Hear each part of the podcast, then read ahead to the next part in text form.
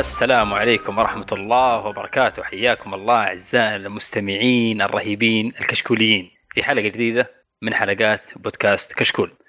الحلقة هذه بودكاست كشكول التقنية رقم 141 يعني آه هذه مرحلة جديدة إن شاء الله وبإذن الله أنه فيها رفع للجودة وبتستمتعون فيها بإذن الله أكثر من أول بإذن الله إن شاء الله. آه معانا اليوم صراحة شباب مميزين تقنيين محترفين. آه جبناهم بعقود آه، صراحة صعبة وصرفنا عليهم كثير. معانا. أول شيء معانا بدر. كيف حالك يا بدر؟ هلا حياك الله أبوي. حياكم الله حيا الله المستمعين. طيب؟ الله يخليك أبوي. آه آه، إيش رأيك في التغيير اللي صاير؟ ممتاز رائع جدا بكل معنى كلمه الآن تأخذ راحتك كذا تسوي ستريتش كذا وتمدد عضلاتك. تفرج مم. عضلاتك هنا ها؟ أول كل ما بحط المعلومات يقللون يقللون تصغر الفقره الحين. خذ راحتك. آه طيب ومعانا حسين السهلي. كيف حالك حياك الله؟ الحمد لله تمام. شو أخبارك؟ طيب. نحمده ونشكره. حياك الله. آه، ال- العضو ال- ال- الرهيب الجديد من أعضاء بودكاست كشكول للتقنية. كيف أمورك؟ الله يسلمك. الحمد لله. ها كيف؟ آه، حماس؟ أي والله حماس. آه الكوره اللي في يدي بدأت آه، تتفقع حتى طيب ومعانا سلطان آل زايد كيف حالك سلطان؟ هلا والله الحمد لله حياك الله شرفتنا الله يحييك آه ومعانا وليد العوب ثاني كيفك يا وليد؟ يا مرحبا حياك الله يحييك إيش أخبارك؟ طيب وليد شو؟ كيف أمورك؟ الحمد لله بخير الله يسلمك شو؟ أيوه تسمعني؟ من بدايتها كذا يا وليد ليش بالصوت قطع فجأة ولا إيش؟ لا إله إلا الله. نسمعك. أوكي تمام. حياكم الله يا شباب. الله يحييك. طبعا آه، بإذن الله ال- فق- حلقة التقنية كنت بقول فقرة كنت بغلط. حلقة التقنية إن شاء الله آه، بنس- بتكون فيها فقرات بإذن الله ثابتة وبإذن الله مع الوقت بتتطور وبتتحسن بإذن الله. آه، طبعا بيكون عندنا أول شيء أخبار متفرقة كالعادة. آه، بعدين بنتكلم عن آه، موضوع الحلقة نسميه يمكن ناخذ موضوع أو موضوعين نناقشها بالتفصيل ونغطي كل جوانبها. بعدين بيكون عندنا آه، تطبيق الأسبوع أو برنامج الأسبوع. آه، بنعطيكم نبذة عن شيء نستخدمه أو شيء نشوفه إنه مفيد ونشرح عنه شرح مبسط. والفقرة الأخيرة آه، بيكون أو اللي قبل الأخيرة بتكون شرح تقني عن مشكلة أو شيء آه، نشوفه شائع عند الناس أو ما يعرفون عادة يكون مجهول عند آه، الناس عادة آه، فنحاول نحله بإذن الله إن شاء الله والآخر فقرة اللي هي الفقرة ال- اللي منتظرينها من زمان فقرة اسأل كشكول فنجاوب إن شاء الله على أسئلتكم واستفساراتكم بإذن الله. طيب نبدأ إن شاء الله بأخبار التقنية. أول خبر عندك يا بدر أدينا. هلا والله أبوي. سلام. آه الأخبار طال عمرك إن آه في نهاية السنة ال 2017 آه طلعت النتائج الم- عدد الأجهزة المباعة خلال السنة وخلال الربع الأخير الثالث. وكان فيه أخبار مختلفة يعني. أول شيء انه عموما آه، مبيعات الجوالات في الربع هذا نزلت 9% عن السنة الماضية. وهذا إيه فهذا شيء غريب يعني. نزل ن- نزلت 9%. نزل 9% عالميا. مم. عن السنة الماضية. وهذا غريبة مع إنه شيء غريب. احس أحس إنه آه، الإقبال على الأجهزة أكثر بكثير يعني كل ما له يزداد بصراحة إحصائية غريبة.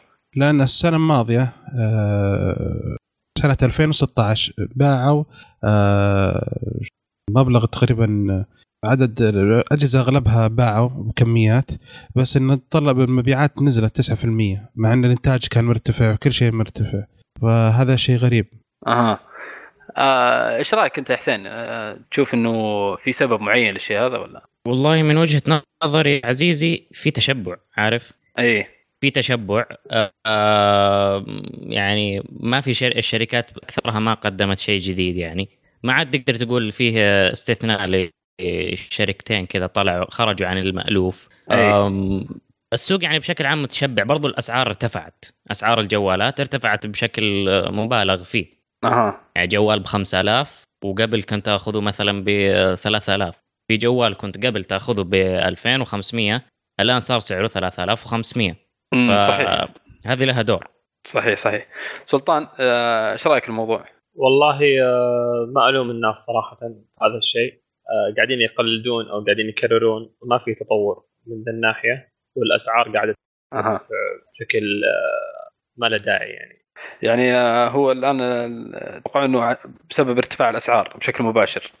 الشيء هذا صار. لها دور لها. دور. أها. آه وليد آه ما أدري عندك شيء بتقول عن الموضوع أي هذا؟ والله زي ما قالوا الشباب آه تقريبا يعني ال- ما في شيء متطور يعني حاليا. يعني أول كانت ممكن الأجهزة يعني كانت ممكن مواصفاتها تكون عادية بالنسبة طبعا يعني التطور اللي صار. كان في تطورات كان في فرق. يعني زي أول كانت الجوالات اللي فيها بصمة معدودة. ويعني الجوالات غبصت فيها بصمة وطبعا التقنيات فيها تطورت. وصلت لحد الآن يعني التقنيات ما عاد في تطور. امم أنا أتفق معك صراحة في النقطة هذه. لأنه فعلا أول لما كنت تأخذ الجوال كان فيه أشياء جديدة عليك. إيه. الآن لما تشتري جوال ما في أشياء جديدة عليك أنت ما في كمستخدم. شيء جديد. يعني بس أي. ممكن الترند حاليا السنة اللي فاتت اللي هو في 2017 كان. الشاشة. بس الشاشة اللي هي الترند. بالضبط. أنا أتفق معك تمام صراحة في النقطة هذه. وفي. في نقطة ثانية. أي تفضل يا بدر. في نقطة إن أغلب الأجهزة صارت يعني جودتها ممتازة لدرجة انه يقعد معك أربع أج- سنوات خمس سنوات ما يعني. إي يعني حتى لو تغير تقعد مثلا يعني ما في ذاك الحماس اللي مرة تغير. إلا ما الحين صار أغلبهم إلا إذا خرب جوال مرة واحدة نقل. ما هو عشان. كذا أبل سوت اللي سوته. عشان الناس يغيرون ولا؟ أكيد. هذه أيوة. خطة هذه لا. خطة فيها يا بدر. يلا لازم ترد. ألو بدر طار. أيوه موجود. الجبهة طارت شكله قام يفكر الموضوع. طيب ما دام أنتم بديتوا تهد- هجومكم كذا خلنا أنا أهجم. طيب أرد عليكم خبر من الخبر نفسه. إن مبيعات أبل في الربع الرابع من العام هذا آه، ارتفعت وهي رقم واحد في مبيعات الجوالات ب 77.3 مليون جهاز. بعد يجي سامسونج ب 74 مليون جهاز وبعدين هواوي ب 41 مليون جهاز. في الربع الرابع لا ثلاث اشهر خير. جوال ب 5000 ب 5000 ال- القطعة الواحدة ما تبغى يرفع السعر يرفع ال- الأرباح. لا مو بأرباح عدد الأجهزة ما ما له دخل بالأرباح. والله ما له دخل 77.3 عدد مليون جهاز انباع. عد عد الوحدات المباعة ولا الوحدات؟ مباعة. 77.3 مليون جهاز والسامسونج 74.4 مليون جهاز. هذا يا عزيزي ممكن يرجع للتحديثات اللي سووها. يعني صراحة تحديثاتهم جبارة. يا ترقي يا نبط لك الجهاز. تأكلها. تهديد. ممكن. كذا كذا كذا. مسدس على راسك. ادفع ليه يا حبيبي؟ ما في شيء متسدس السوق مفتوح. على راحتك اشتري اللي تبي. طيب حاجة. السوق مفتوح تقوم تبطي جهاز العميل. آه تفضل يا موضوع وليد. ثاني ت- تجبره تجبره. وبعدين آم، آه، اللي جاي من الآيفون ينقل للأندرويد يبغى له فترة يحاول يستوعب.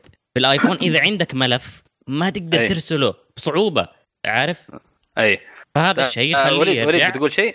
إيه أقول يا أخي في حاجة غريبة إنه السامسونج آه، في المرتبة الثانية مع إنه يعني ال- السنة اللي فاتت السنة قبل سنتين اللي هو 2016 مقارنة بالسنة فيها. يعني صارت المصيبة الكبرى الانفجار. آه، غريب إنه مبيعاته آه، برضه. مرتفعة. يعني العميل الظاهر تخطى موضوع ال- آه، النوت 7 لا أها. تخط... هو ما عنده مشكلة. سامسونج شغالة حريقة.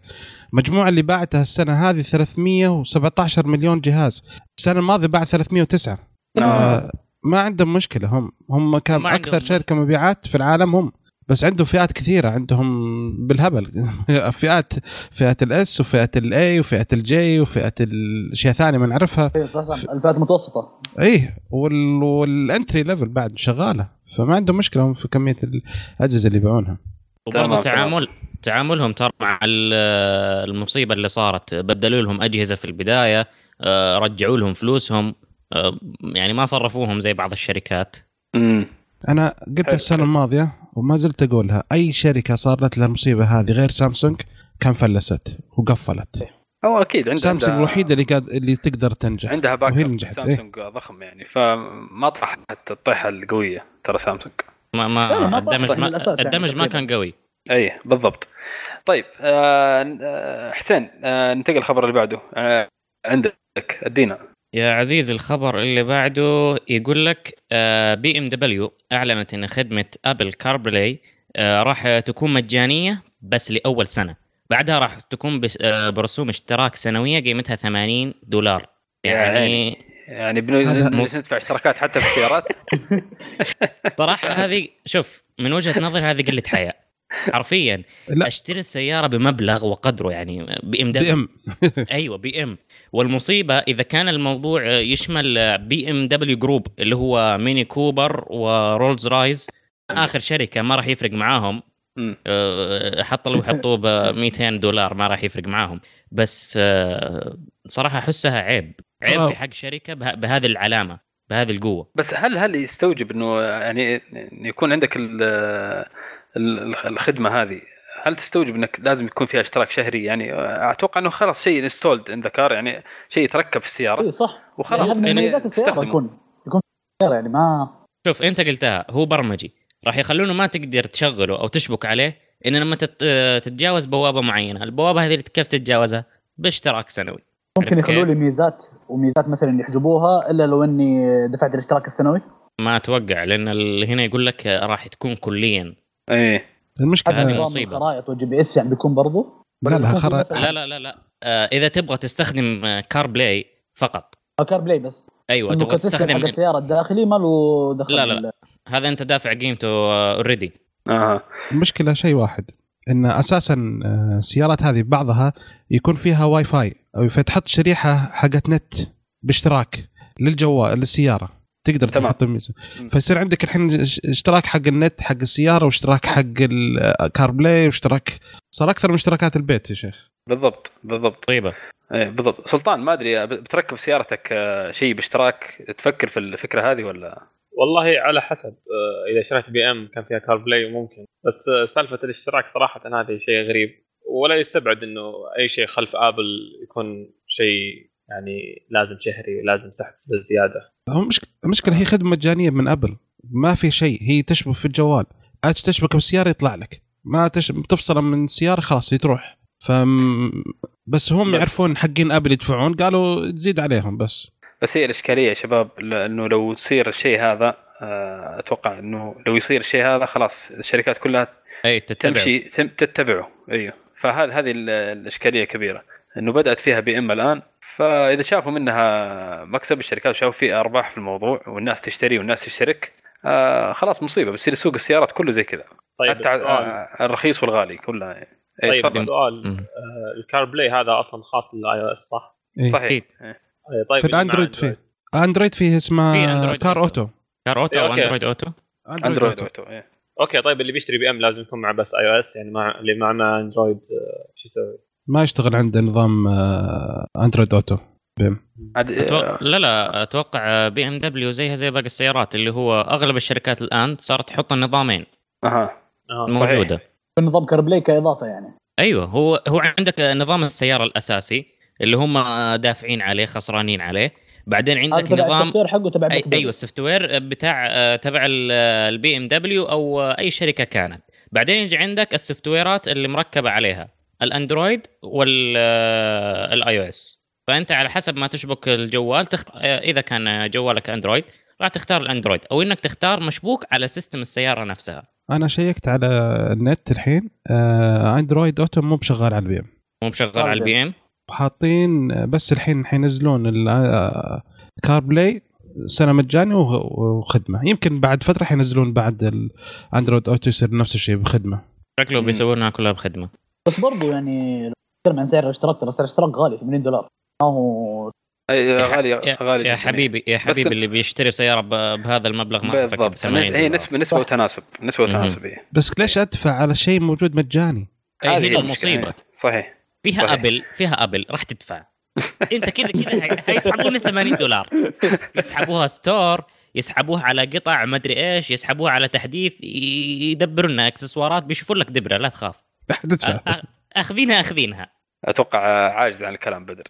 طيب ننتقل تتكلم عن BM مش عن Apple طيب طيب. خلونا ننتقل الخبر اللي بعده. عندي خبر صراحة أنا أسعدني صراحة. آه، أنا أحب الأخبار اللي زي كذا. آه، يقول لك فيه آه، جهاز صنعوه مخترعين سعوديين. أو ما هو جهاز؟ أكبر جهاز لحفظ الطاقة في العالم. تمام؟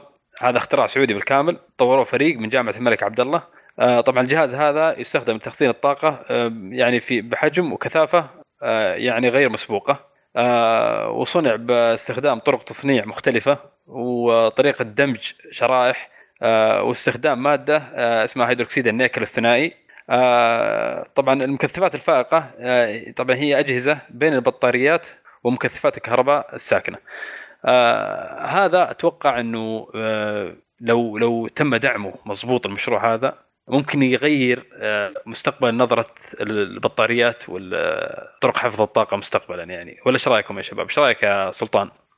آه والله ما أدري كيف كيف بيأثر من ناحية تكنولوجيا على الشركات بشكل عام أها بدر آه في شيء بتضيفه على الخبر؟ والله شوف أي شيء أي تقنية أي شيء بالنسبة لحفظ الطاقة ولا شيء زي كذا ممتازة لأن كل شيء في العالم تقدم إلا تقنية الطاقة وحفظ الطاقة والاشياء هذه هذه. ده وصل يعني- الجدار تقريبا في. بالضبط هذا هو إيه. المشكلة دائما نواجه كثير حتى في ال- المنازل الكهربائية حتى في هذا أكبر مشكلة تواجههم هم حفظ الطاقة اللي يمكن توليدها في النهار وكيف الاستفاده منها بالليل فكل شيء يعني هذا يحتاج بالتقدم هذا في كل مكان أكبر شيء تمام. نحتاجه نعم تمام آه ما أدري وليد بتضيف شيء على الخبر؟ يعني ما يضاف عليه بس إنه يعني ال- الخبر الحلو فيه إنه صناعة عربية وسعودية هذا بس ال... فعلا فعلا هذا شيء صراحة آه، يشرفنا والله من جد. طيب آه، أتوقع هنا واحد انسحب عليه آه، أدينا اللي عندك حسين آه، إيش رأيك في الموضوع؟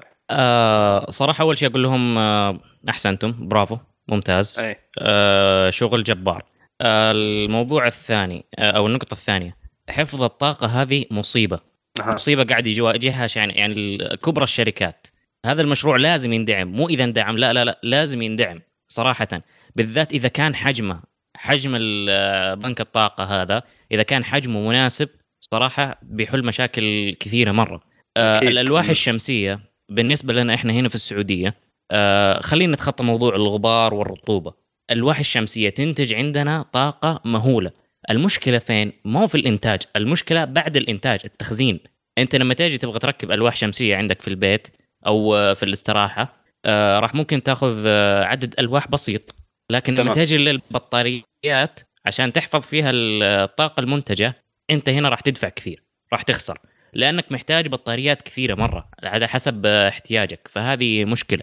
فهذا راح يحل يعني أزمة حرفيا بالذات إذا كان حجمه يعني مناسب.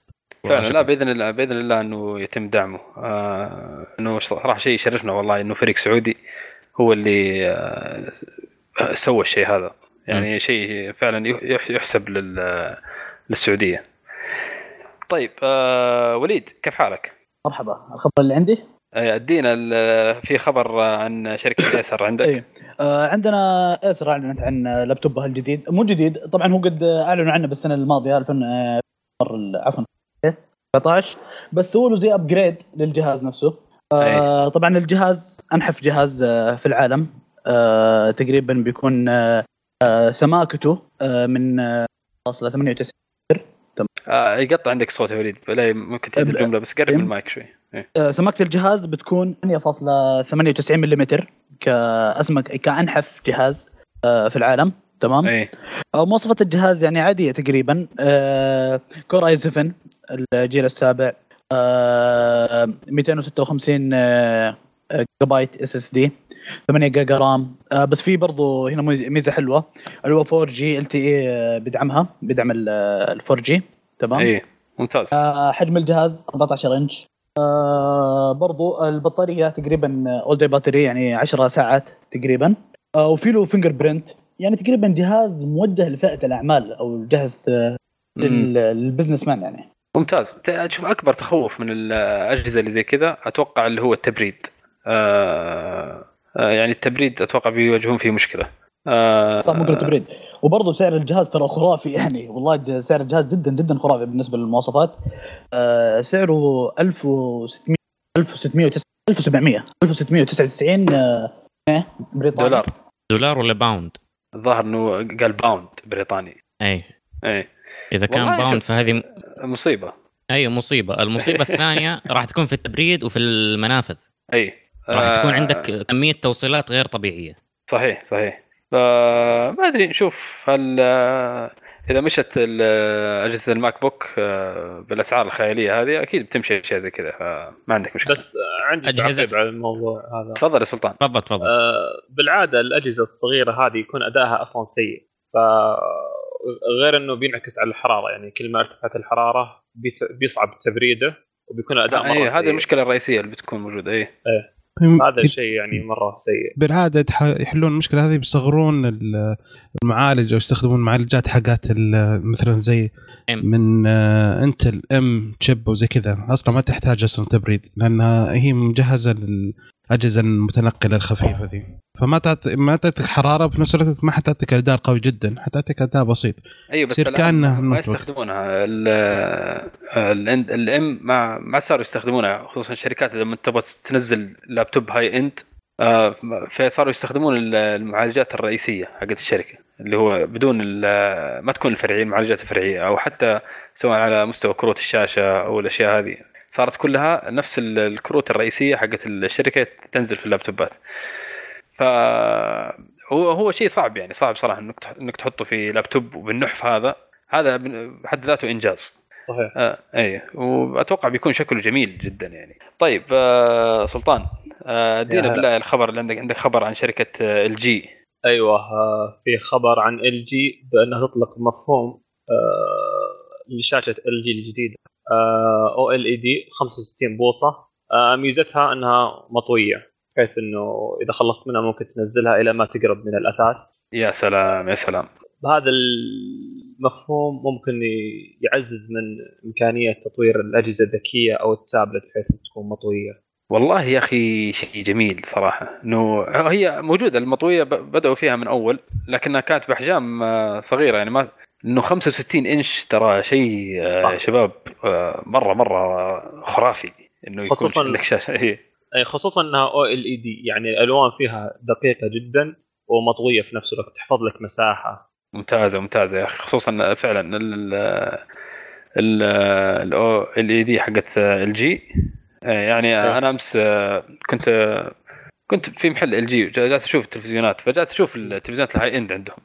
فعندهم شاشات آه، يعني غير طبيعية وفيها نحف يعني أنحف من إيه. الجوال تحصلها إيه، أنحف من جوالك. إيه. صدقت الحين ال OLED هذا مثلا المطوي يعني 4K و OLED ومطوي في نفس الوقت. فتشوفه صدق نحيف ودقة عالية و4K في الأخير. بس أتوقع أشياء زي كذا بتاخذ لها وقت لما تصير للمستهلك لأنه أتوقع إنه باقي concept وباقي يسوون فيها اختبارات وأشياء زي كذا ولا؟ إيه. باقي في, في احد بيضيف شيء يا شباب على ال- التلفزيون آه، أبغى اتاكد من شيء هو منحني أو من...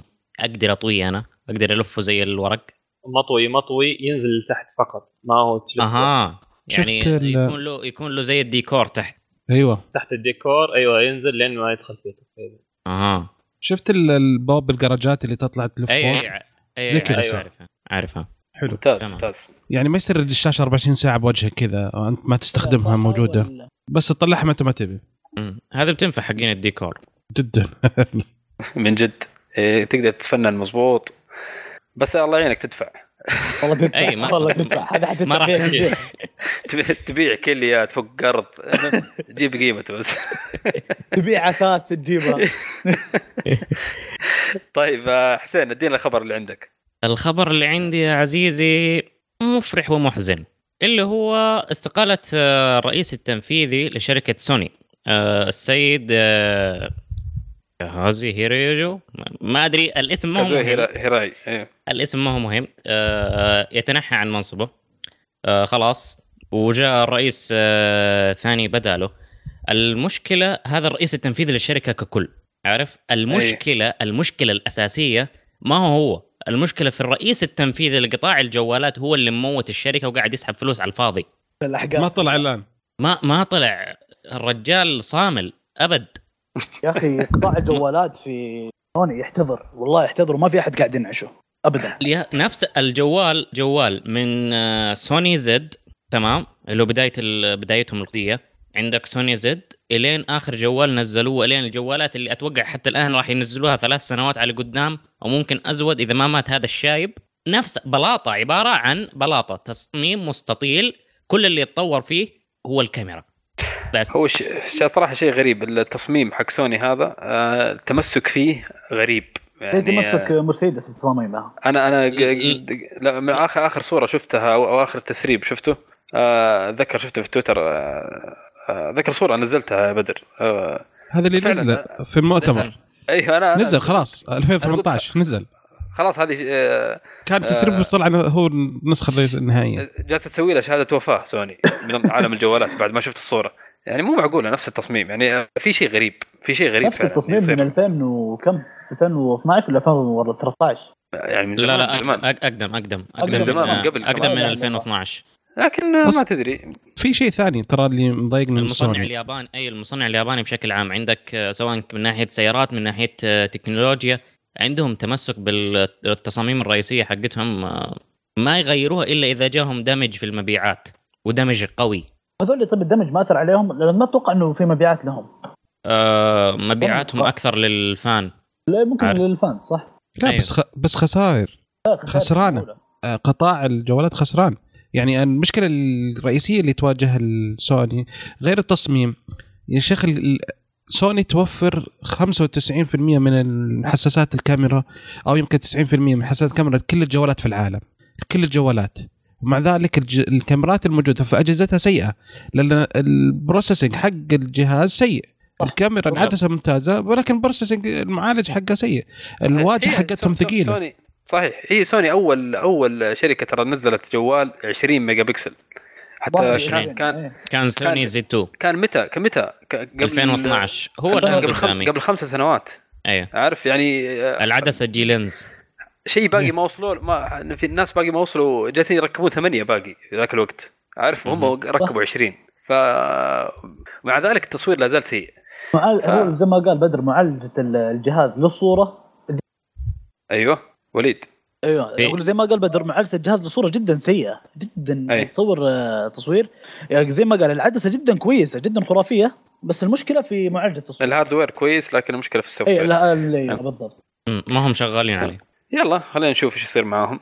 طيب آه عندي خبر آه برضو محلي. أنا ما أدري إيش فيني مع الأخبار المحلية اليوم.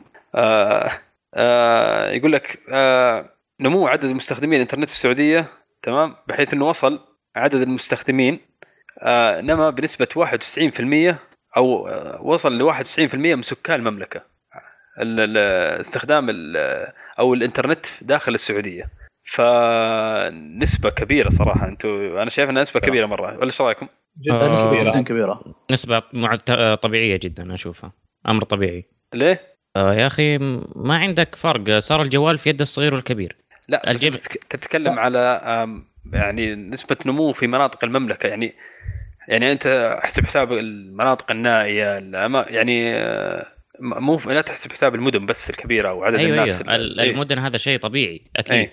عندك المناطق اللي بعدها المناطق النائية والقرى آه ترى الموضوع جوال أنت تفعل خدمة إنترنت خلاص إيه. انتهى الموضوع أنت انحسبت اي بس المشكلة في يقول لك إنه مهول بس خدمة النت هنا خدمة النت يا حبيبي سيئة لو واحد بس في. السعودية شغال لو ط... كل اللي في السعودية يطفون جوالاتهم شغال الخدمة سيئة.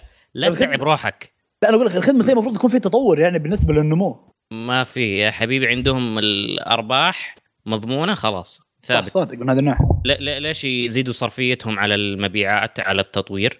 زيد صرفيتك على الدعاية والإعلان وخلاص. واشتر شو اسمه الدوري السعودي؟ ومشيت خلاص أي عادي. بالكلام. أيوه خذ خذ أكبر قطعة من الكيكة. مو لازم تكبر الكيكة. خذ أكبر قطعة منها وخلاص. لا تكبر صحنك خذ قطعة كبيرة. ت- صحنك ما زاد خذ قطعة حطها فوق قطع القطعة حقك الأولى. لا تكبر صحنك. هذا نظام. حلو حلو حلو حلو.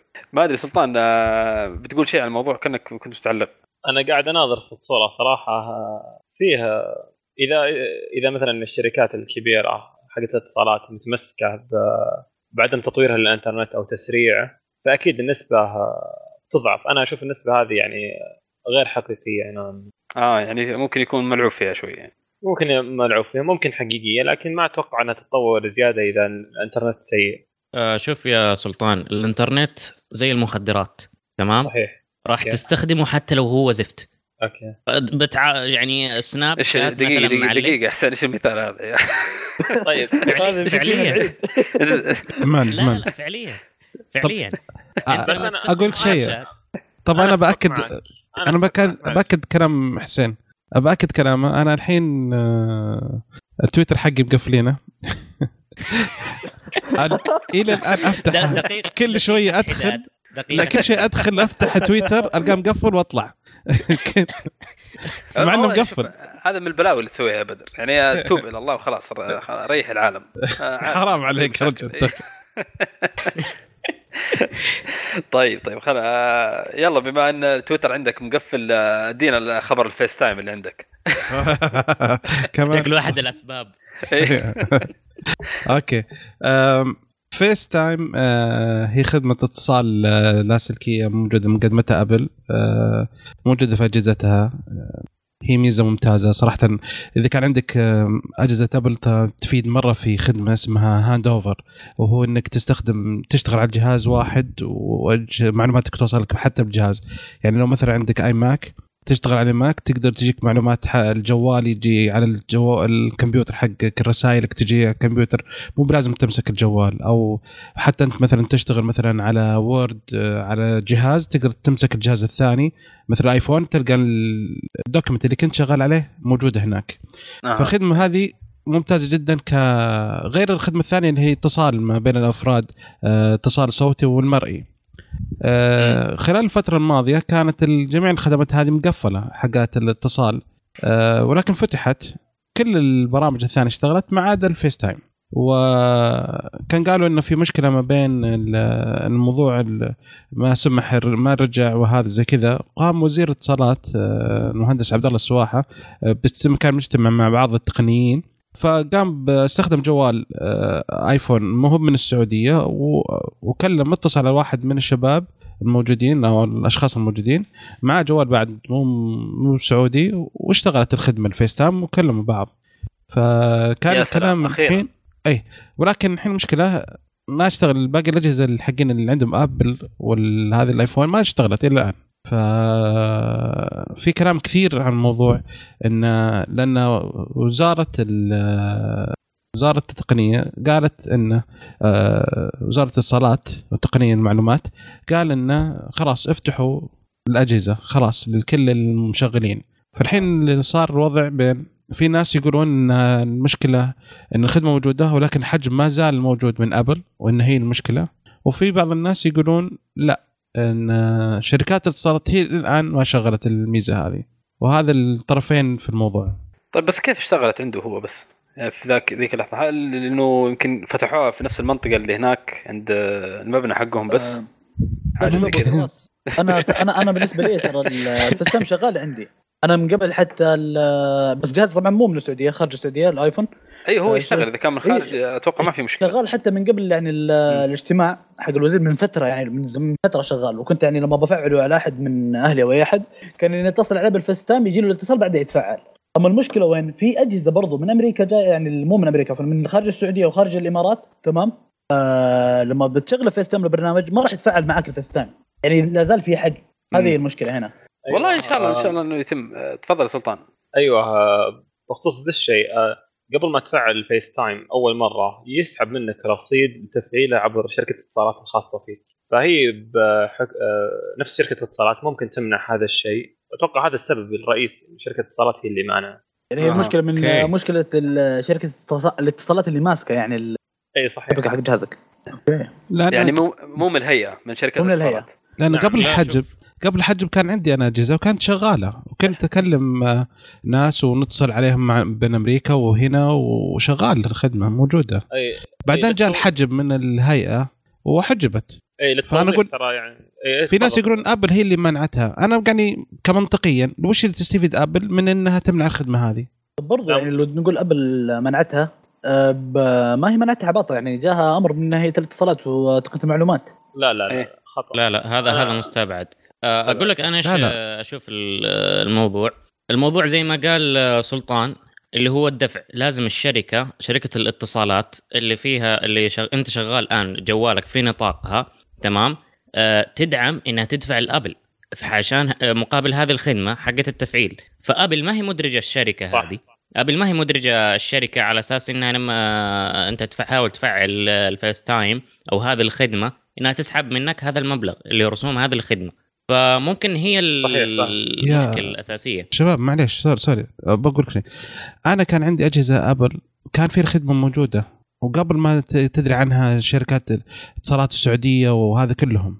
فما تحتاج أصلا تحتاج بس اللهم واي فاي أو يحتاج نت موجود عندك ويشتغل خدمة بين جهاز وجهاز. لا بس ما يحتاج لك اشتراك ولا يحتاج تفعل ولا شيء. ما يحتاج اشتراك. طيب لا، معلش خلينا- للأول، معلش أنا أتكلم عن معلش- أول. معلش يوم كان خلينا-. نسمع- سلطان بس آه، تفضل يا سلطان بس آه، أنا ادينا أشوف- وجهة نظرك إيه. اي والله تس- تسلم اي أنا أشوف إنه من زمان كان معي طبعا الآيفون ومن أول ما استخدمت FaceTime إذا فعلت لاول مرة ترى يطلب منك إنه يوضح لك إنه بيرسل رسالة دولية اي بعدها يتفعل عندك FaceTime لمرة واحدة ما هو اشتراك ولا شيء لا بس هي رسالة أولية دولية وبس هذه هي اللي سواء الأجهزة اللي, من الخارج أو الأجهزة اللي كانت سواء. الأجهزة إي نعم سواء الأجهزة من الخارج ومن الداخل بس يعني آه، يعني هذه تعتبر كرسوم هذه تعتبر الرس- رسوم واحدة مرة واحدة فقط يجيك التفعيل خلاص إذا جاك التفعيل خلاص يبدأ بس الرسوم هذه. تروح فين؟ ال- ال- أبل نفسها ولا مين؟ أنا أتوقع أنها إيه لأنه هو يقول لك آه، رسوم دولية حتى الآيفون يقول لك فيه آه، قد تح- تحصل على رسوم دولية نفس ما يصير لك على ال iMessage لا. سوري مو هذه رسالة ت- تأخذ الشركة اللي اللي أنت شابك عليها لما ترسل طيب. رسالة كأنك رسالة دولية ترسلها. فأبل حيقول لك ترى العلم هذه رسالة دولية وحياخذ منك فلوس. يعني مو هو شيء مجاني. فقط لا غير هي ما حتستلم شيء. لأن مين اللي يرسل رسالة؟ شركة اتصال. زين ولا STC ولا موبايل؟ حلو. صح ولا لا؟ طيب حلو. على هي بس يعني- يقول لك إن هذا حيكون يمكن عليها charges من حلو، الحين. طيب. على كذا معناته إنه الاتصالات في الأخير هي الملامة في هذا الموضوع. طيب لا إذا الم... إذا الملام هي الاتصالات تكون الملام هي الاتصالات. هي الاتصالات يعني متغاضية عن الموضوع. هي اتصالات قالت لهم شغلوا. هيئة الاتصالات لا إذا المفروض قالت لهم شغلوا شغلوها. يعني ما يقولوا يعني لازم تتابع. يعني. إي تتابع. يعني مو تقول لي شغلوا خلاص واشتغلت ما اشتغلت ما, ما يخص. انت قاعد تمنعني من خدمة تجيني مع جوالي أنا. دورك أنت كهيئة الاتصالات. إنك أنا- يعني توفر لي هذه الخدمة لو تكلم المشغلين. والله شوف هيئة اتصالات ترمي والأبل ترمي هنا و- والشركات اتصالات ترميها هناك فكل واحد يرمي على الثاني ما ما إحنا عارفين الاقوى كلها. متضاربة يعني؟ بالضبط وصراحة شوف خدمة ال- ال FaceTime ما في زيها صراحة يعني آه، نتمنى إنها تتفعل لأنه أنا جربت خدمات كثير آه، من النوع هذا ما في زي ال FaceTime كسلاسة وك كقوة. في الاتصال وجودة وجوده صورة وجودة اتصال ال FaceTime ما في زيه لا يقارن. يعني صادق جربت بدلاء كثير كثير مليان. ال- ال- المتجر مليان بدلاء لكن ما هي زي FaceTime فنتمنى بإذن الله إنه تتفعل. عشان كذا هي المشاكل أو الناس يتكلمون يبغون ال FaceTime مع إنه في بدلاء بيقول لك في بديل. لا مو زيه. ما ما ما, ما تقارن صراحة. يعني من خلال تجربتي الشخصية. جودة الاتصال فرق فرق ابدا. يعني جودة تفرق- الاتصال حتى تفرق كثير. إيه. جودة الاتصال حق ال FaceTime أفضل من جودة الاتصال اللي هي بال حتى ال لا إله إلا الله. جودة الاتصال يعني المدفوعة آه. واكيد افضل يعني. امم تمام تمام. الله يعطيكم العافية. طيب آه سلطان. هلا والله. مصحصح معانا. أكيد. آه، أدينا عندك خبر عن آه، ساعات أبل. في خبر ساعة آه، أبل Watch ال Series 3 آه، صار لها نمو بنسبة 100% بالمقارنة مع الجيل السابق. يا سلام. بهالمرحله صارت يعني آبل ساعة آبل باعت أكثر من رولكس عالميا. wow wow. والله ترى شيء شيء شيء خرافي.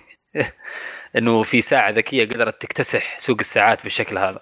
اي صحيح. خصوصا إنه يقولون يعني في توقعات إنه خلال موسم العطلة بتبيع أكثر من 20% شوف هي مقارنة يعني لما تجي تقارن سعرها بسعر الساعات ال- ال- الفارهة. هي تعتبر آه، ولا شيء. ساعه ولا- أبل تعتبر س- ساعة فارهة صراحة. يعني سا- ساعة آه، حلوة في اللبس وش- يعني آه، تعتبر ترند أو زي الموضة كذا إنك لما تلبسها آه، يعني تخلي شك- شكل ال- ال- ال look العام جيد في اليد صح. شكلها في اليد حلو. ف أيوه هذا الهدف من أي ساعة يعني آه، إنه تعطيك الخدمات الوقت وتعطيك خدمات ال- الشكل الجمالي. آه، فصراحة إنه يصير الشيء هذا؟ وأرخص بالسعر هذا المنافس يعني لا بس ال... كمل كمل تفضل يا أبو فراس. إنه سعرها أنا بس بقول إنه سعرها تقريبا 1500 تقريبا. آه، إيه آه، فلا يقارن بسعر الساعات الغالية. واقول ومقارنة بجيلها يعني اللي فات ترى برضو جت فيها اللي هي ميزة ال- شريحه مدمج الداخلية الإلكترونية. أتوقع إنه هذا إيه برضو صح من الأسباب صح هذا هذا دعمها. كمان أكثر إيه. صح. و... ما ما اشتغلت عندنا هنا ما هي إيه، موجودة. عنده صح برضو ما ما هي شغال عنده. اي صح بس إنه شوف الاتصال في الساعة الحالية يعني حتى لما يكون معاك الجوال مثلا وتضطر ترد من الساعة أنا لما أضطر أرد من الساعة بعض الأوقات لما أكون أشتغل على شيء. إيه. يعني أحس ان جودة الاتصال حلوة الصوت واضح ال- يسمعني اللي أكلمه حتى لو كانت يدي يدي بعيدة شوية يسمعني اللي أكلمه وأسمعه ب- بوضوح فأحس إنه لا زالت مفيدة. في الاتصال. طب هل كساعة تكون عملية؟ يعني هل هي احتياج ولا مجرد يعني ولا حتى ما نقول كخيار إضافي؟ لا يعني كخيار رفاهية زايدة يعني. شوف أنا أنا أستفدت منها صراحة في آه، يعني آه، نقطتين مهمة جدا. يعني هذه وغيرت علي كثير كثير يعني في أسلوب حياتي. آه، أول شيء بالنسبة للتنبيهات يعني هذه ميزة أشوفها لا تقدر بثمن. إنه التنبيهات بسرعة أشوفها في الساعة واقفلها ولا أتفاعل معاها على طول بتفاعل سريع وأشتغل. ما أطلع الجوال من جيبي ما أروح أدور الجوال مثلا يكون يشحن في مكان وأروح له عشان أشوف التنبيه أو أشوف إيش صار أو أرد بطريقة معينة. يعني ما تعط ما اعطت عليه شغل. الشيء الثاني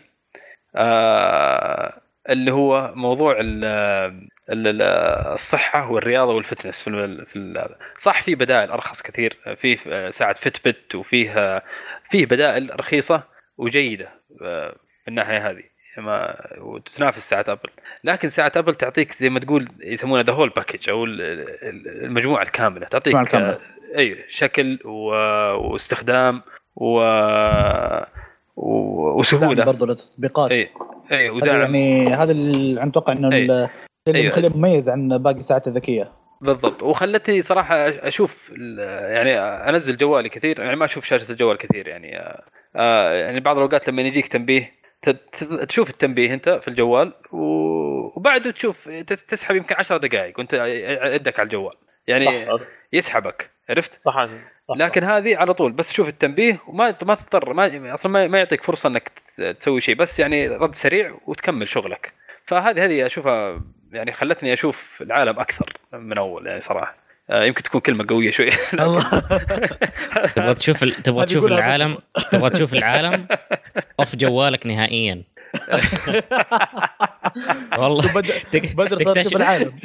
تكتشف أشخاص تش... تكتشف أشخاص في البيت ما تدري مين. من جد هذا خصوصا والله. الوقت هذا يا لا المشكلة تحس إنك لحالك أصلا. كل المشغول بالجوال أنت قاعد لحالك. أيوه. فعلا فعلا والله. طيب آه، باقي في شيء أحد بيضيف شيء على ساعة ابل يا شباب؟ لا خلاص كذا خلصت طيب خلصنا آه، ونقفل الأخبار الحين خلاص؟ ننتقل مرحلة لا. باقي. آه، باقي؟ خلاص. أسمع. آه، عندي إضافة بسيطة على موضوع ساعة أبل. آه، تفضل. إكسسواراتها الكثيرة وأكثرها من آه، براندات آه، معروفة وبراندات قوية. فهذا الشيء مخليها تواصل ترى وتبيع آه. وث- وثاني شيء في بعد ميزة ثانية إن ال band. ال band اللي معاها فيه خيارات مرة كثيرة. فهذا شيء. خيارات أيوه مرة فهذا شيء مواصل. ومناسبة لل- سواء لل- للرجال ول- وللنساء يعني صح تحس في أيوة، على- تشكيلة كبيرة واسعة يعني. أيوه مرة كبيرة. تبغاها جلد تطقم مع لون الشنطة مع لون السيارة. بورد أمورك مرة تمام. صحيح صحيح. طيب آه باقي في خبر. طبعا بدري يبغى يبغانا ننتقل لكن ما راح ننتقل بدري. لازم نتكلم عن الموضوع هذا. ادينا يا وليد بالله تحفنا. إيش الخبر اللي آه عندك؟ أبل. أبل حبيبة القلب. آه، تخبطات أبل المستمرة. آه، طبعا آه، انتشر انتشرت مشكلة في أمريكا. ورفعت عليها برضو صار إنه آيفون X أو الآيفون 10 تمام. بعد التحديث الأخير اللي هو iOS 11.25 أي. 2.5 آه، إيه، 2.5 آه، صارت بتيجي للعميل بالصوت والهزة بس ما بتظهر له على الشاشه يعني العميل بيجي له اتصال آه، راعي عفوا راعي الجوال حيجي له اتصال بس ما راح يقدر يرد يعني ما في يعني- زر آه، إيه، ما بيطلع له. ما, ما في ابدا حتى ما بيظهر له حتى اللي هو ال- المتصل آه، اسم الشاشه حق المتصل الاتصال ولا شيء بس الجوال بيطلع الرنة وبالهزة والله مصيبة يا أخي إيش هذا؟ تدري فين الغلط؟ بيجر صاير pager. pager. pager ب 5000 ريال ها؟ أنا لاحظ أنا ملاحظ شيء غريب في بعض مشاكل آبل مع إني أنا أستخدمها يعني بشكل عام سواء ال iMac ولا الآيفون. أيوه. وساعة آبل برضه معي. اللي ملاحظه دائما في مشاكل آبل دائما تكون تحديثات متعلقة بالهاتف نفسه يعني بال function حق آلية الهاتف نفسه إنه ما تتلقى اتصال ما في أبراج. يعني ما في مشكلة في تطبيق ولا الجوال يقفل لا. تكون المشكلة في الاتصال نفسه اللي هو أهم شيء من مكون الجوال فما أدري إيش السبب. هو نسخة 11 صراحة مرة مرة مرة سيئة. يعني تخيل أول مرة في في تاريخ ال iOS كله إنه ينزل خلال شهر واحد ثلاث تحديثات. هذا ما قد صارت ابدا. صح تحديثات أبل بالعادة جداً. سريعه آه، هذا شيء غريب فعلا إيه. بالعادة تصير سريعة. هي. بس ما عمرك كانت زي كذا ابدا. يعني تنزل تحديث عشان في ميزة حينزلونها لك. يعني أو ممكن أول ما ينزل تحديث كبير بالعادة ينزل تحديث واحد يحل المشاكل كلها وينتهي. بالكثير تحديثين. صح. هي خلال ش... خلال فترة شهرين نزلت ست تحديثات. يعني صحيح وبعدين مو, مو المشاكل ما هي على جهاز معين أو ما هي مشكلة معينة. يعني كل الأجهزة حقتهم انضربت يعني يصلحون تحديث ينضرب جهاز ثاني. زي كذا. يعني طول الوقت شغالين زي المشكلة كذا. الأخيرة اللي البطاريات اللي اللي فوق السبعة الايفون 7 وانت طالع. حصلت فيها إشكالية أخيرة برضه والله مشكلة مشكلة. آه، عشان كذا في خبر الحين ممكن في خبر الحين يقول-. في ممكن عندهم مخبطه داخلية أو مصيبة صارت بس ما هم راضيين يتكلمون. ممكن ما دام ال- البلاوي هذه كلها متسلسلة. لا هو شكله شكله في البرمجة نفسها حقت ال iOS في مشكلة. إيه. وهذا. عشان كذا في أصلا مزايا أعلنوا عنها قبل ثمانية أشهر إلى الان ما نزلت. وحتى يمكن حينزلونها في iOS 12 لأنه في أخبار الحين إنهم آه، ما حيشغلوا مزايا جديدة حيجلسون بس يحاولون يضبطون النظام يسوون له customize كامل كل الأجهزة. وبعدين يبدون يشغلون حتى بعض المزايا حقت 11 حيأجلونها إلى 12 عشان بس يحاولون أول شيء يسيطرون يشوفون 11 هذا. لأن الحين أصلا هم بادين already شغالين على 12 من الحين من ال ground up يعني من البداية. قصدك أنت تقصد 12 اللي بيكون سعره 15000 لا لا 12 ال- شو اسمه iOS تحديث. لا. yes okay إيه. اي هذا okay اي. iOS 11 12 تدري فين الغرابة في الموضوع؟ أيوه. الخراب الخرابات قاعدة تنزل أو تطلع على الجوال الجديد اللي ما في جوال بعده. باقي ما باقي ما قد نزلوا جوال بعده عشان ي- يبدأوا يخربوه. متحمسين. من الحين قاعدين يحكون مستعجلين ها؟ أيوه مستعجلين. يلا اشتري. طيب أنا اشتريت أجدد جوال. جي اشتريه مرة ثانية ما في مشكلة. يلا. آه الله يعطيكم العافية يا شباب. طيب آه الآن آه خلصنا من الأخبار. صراحة كانت فقرة جميلة. آه استمتعنا فيها. آه ولا لا؟ يعطيك العافيه أكيد يا سلام عليكم يا سلام عليكم. آه الآن ننتقل للفقرة اللي بعدها موضوع الحلقة. تتريريري. تمتم يا سلام. فاعل صفقة أي شيء يا شباب.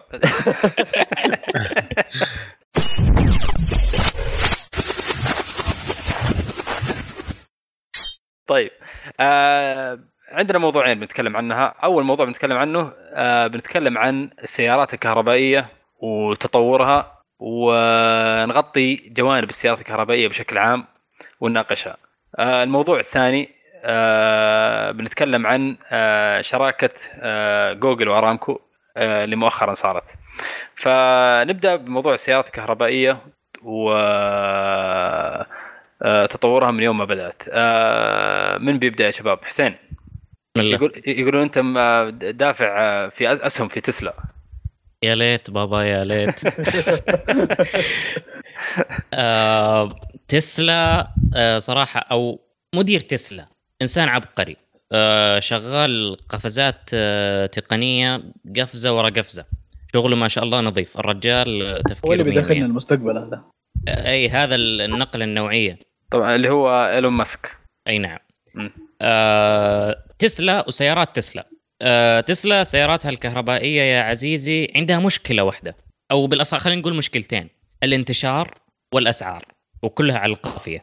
آه، انتشارها آه، في ال... عندنا في الشرق الأوسط هي موجودة حاليا فقط في الأردن تقريبا و... دبي. ودبي.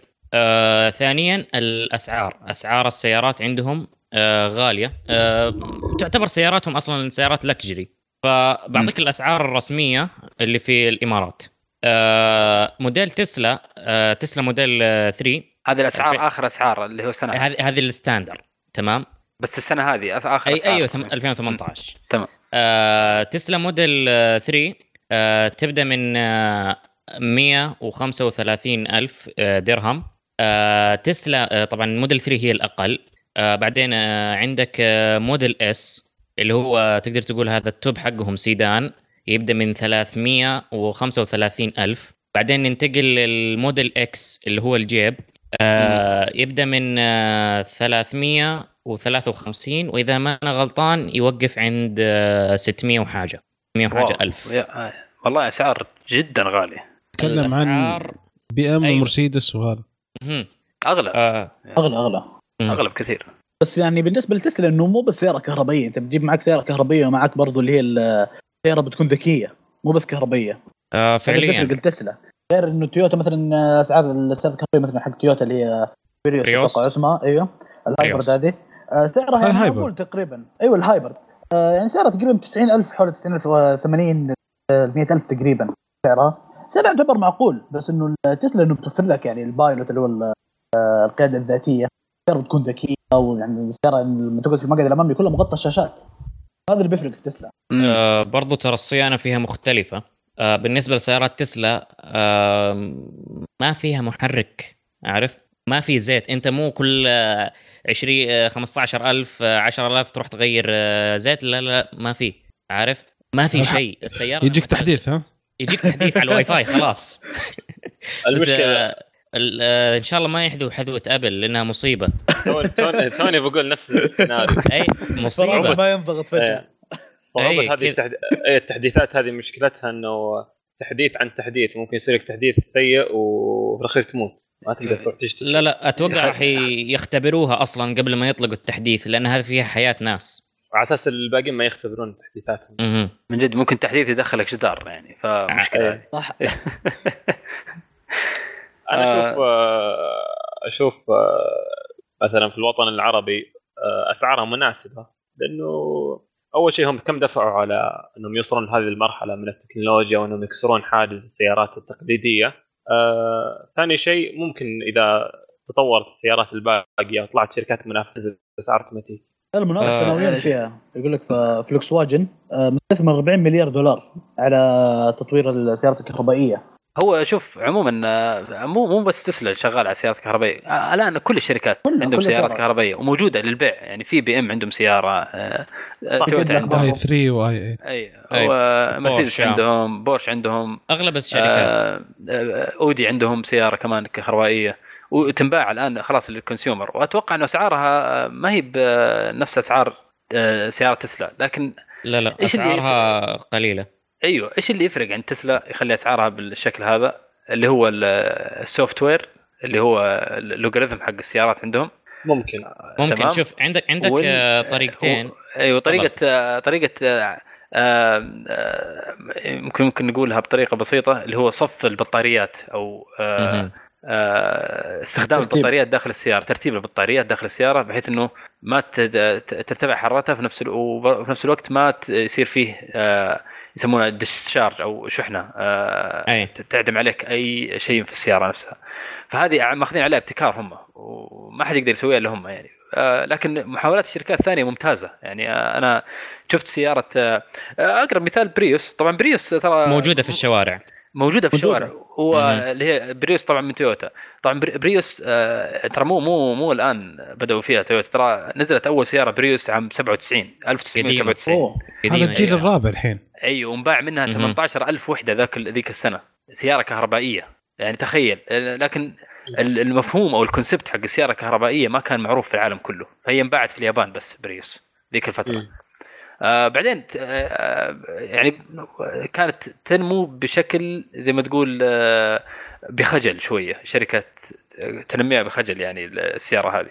لأن وصلت للشيء اللي نشوفه الآن اللي انتشرت وصارت آه في العالم كله تنباع. فلا زال شوف موضوع السيارات الكهربائية في شركات شغالة فيه لكن لا زال آه، تسلا مسيطرة على بعض حقوق الملكية أو بعض الأشياء الحصرية عندهم اللي ما تبغى تشاركها مع الناس بحكم إنه تبغى سياراتها تكون هي الأجود يعني عرفت؟ فأتوقع إن هذه. الإشكالية اللي مخلي أسعار آه، تسلا آه، إلى الآن آه، أسعارها خياليه وأتوقع إنه فيه فيه فيه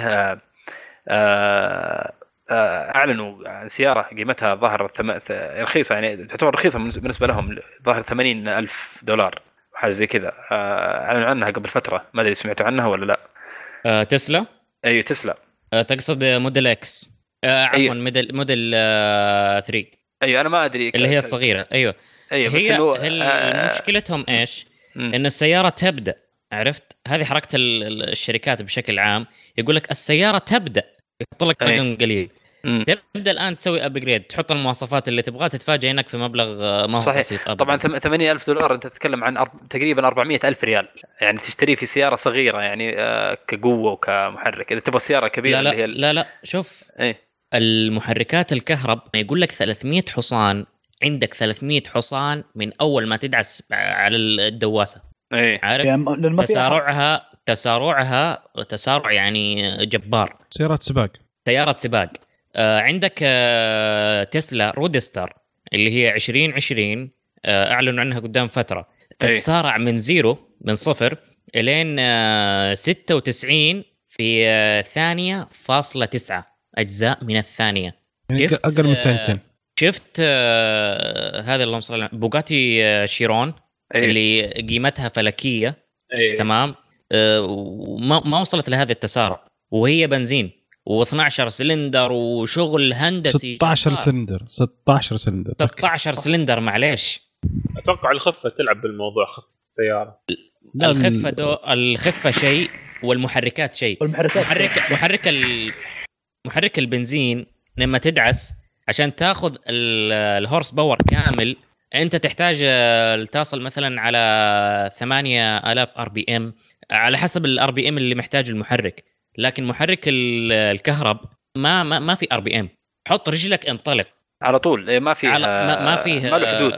ما له حدود.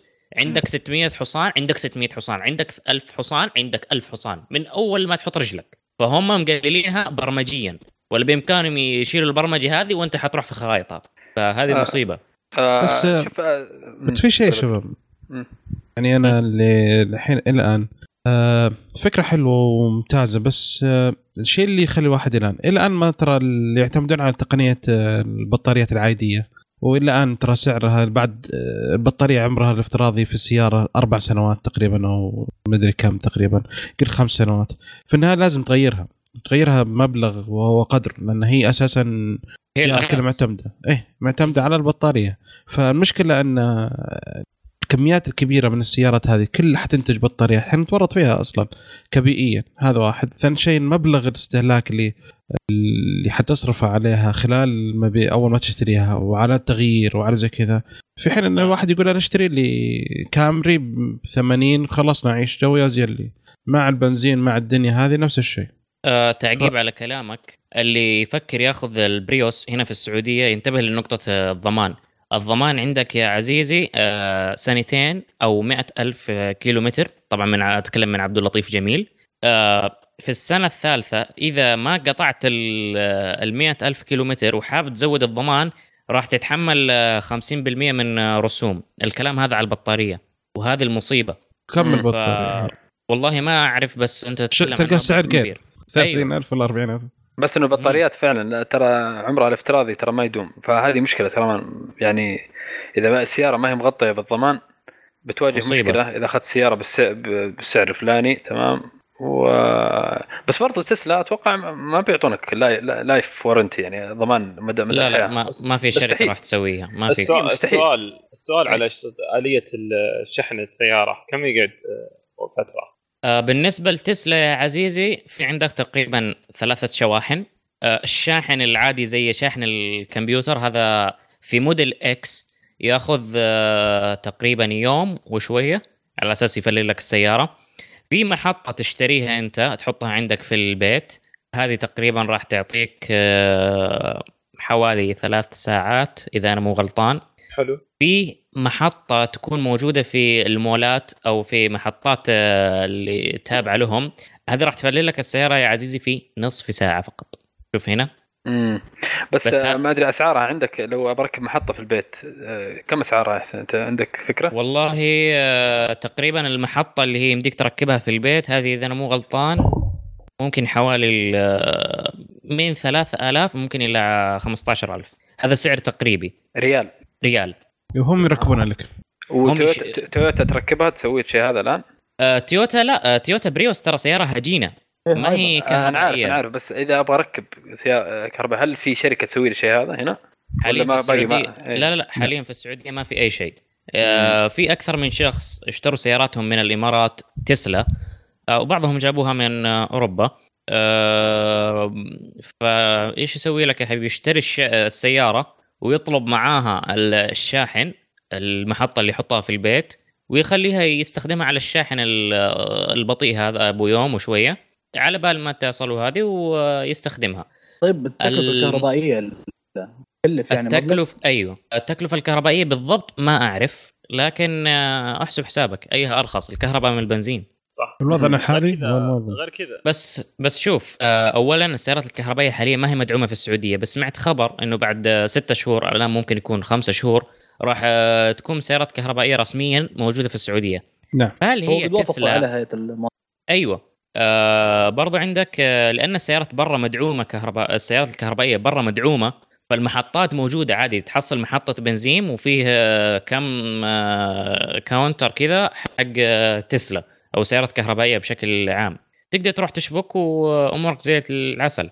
في أمريكا في شركة تسلا سووا شركة متخصصة بالشحن عشان يوزعها على أمريكا عشان تشحن سيارات تسلا أساسا. سووا شركة خاصة بشحن متنا... متنا... يعني في مناطق مختلفة كثيرة في أمريكا عشان يصير محطات. بس تظل تسلا في مشكلة يعني. تفضل سلطان. تظل في مشكلة. اي تظل في مشكلة. مثلا ماسك خط تبغى توقف عنده. محطة تعبي أو تشحن تقعد نص ساعة. أشوف إن الوقت برضه ما زال طويل. آه معك فيها حق بس آه كم واحد عنده تسلا؟ سؤال. إيه. السيارة السيارة ما هي منتشرة بشكل كبير فما راح لا أنا فاهم. آه، أنا فاهم. لا، لا، حتى بس- لو تنتشر. حتى لو تنتشر أنا مدة المده الزمنيه اللي بوقف عشان أشحنها بتكون نص ساعة ما زالت برضه كثير. سلطان كبير. ما قد تدري سافرت أنت على الخط يا تدري سلطان؟ فين حجتهم؟ حجتهم سلطان؟ إن الس- هلا هلا. أقول ما قد سافرت على الخط؟ على ما توقف تعبي بنزين تلقى واحد راح البقالة واحد راح حمام وراح زي كذا. راحت عليك 40 أيوة، دقيقة ما وانت قاعد. اشحن يا عمي؟ لا ممكن عشر.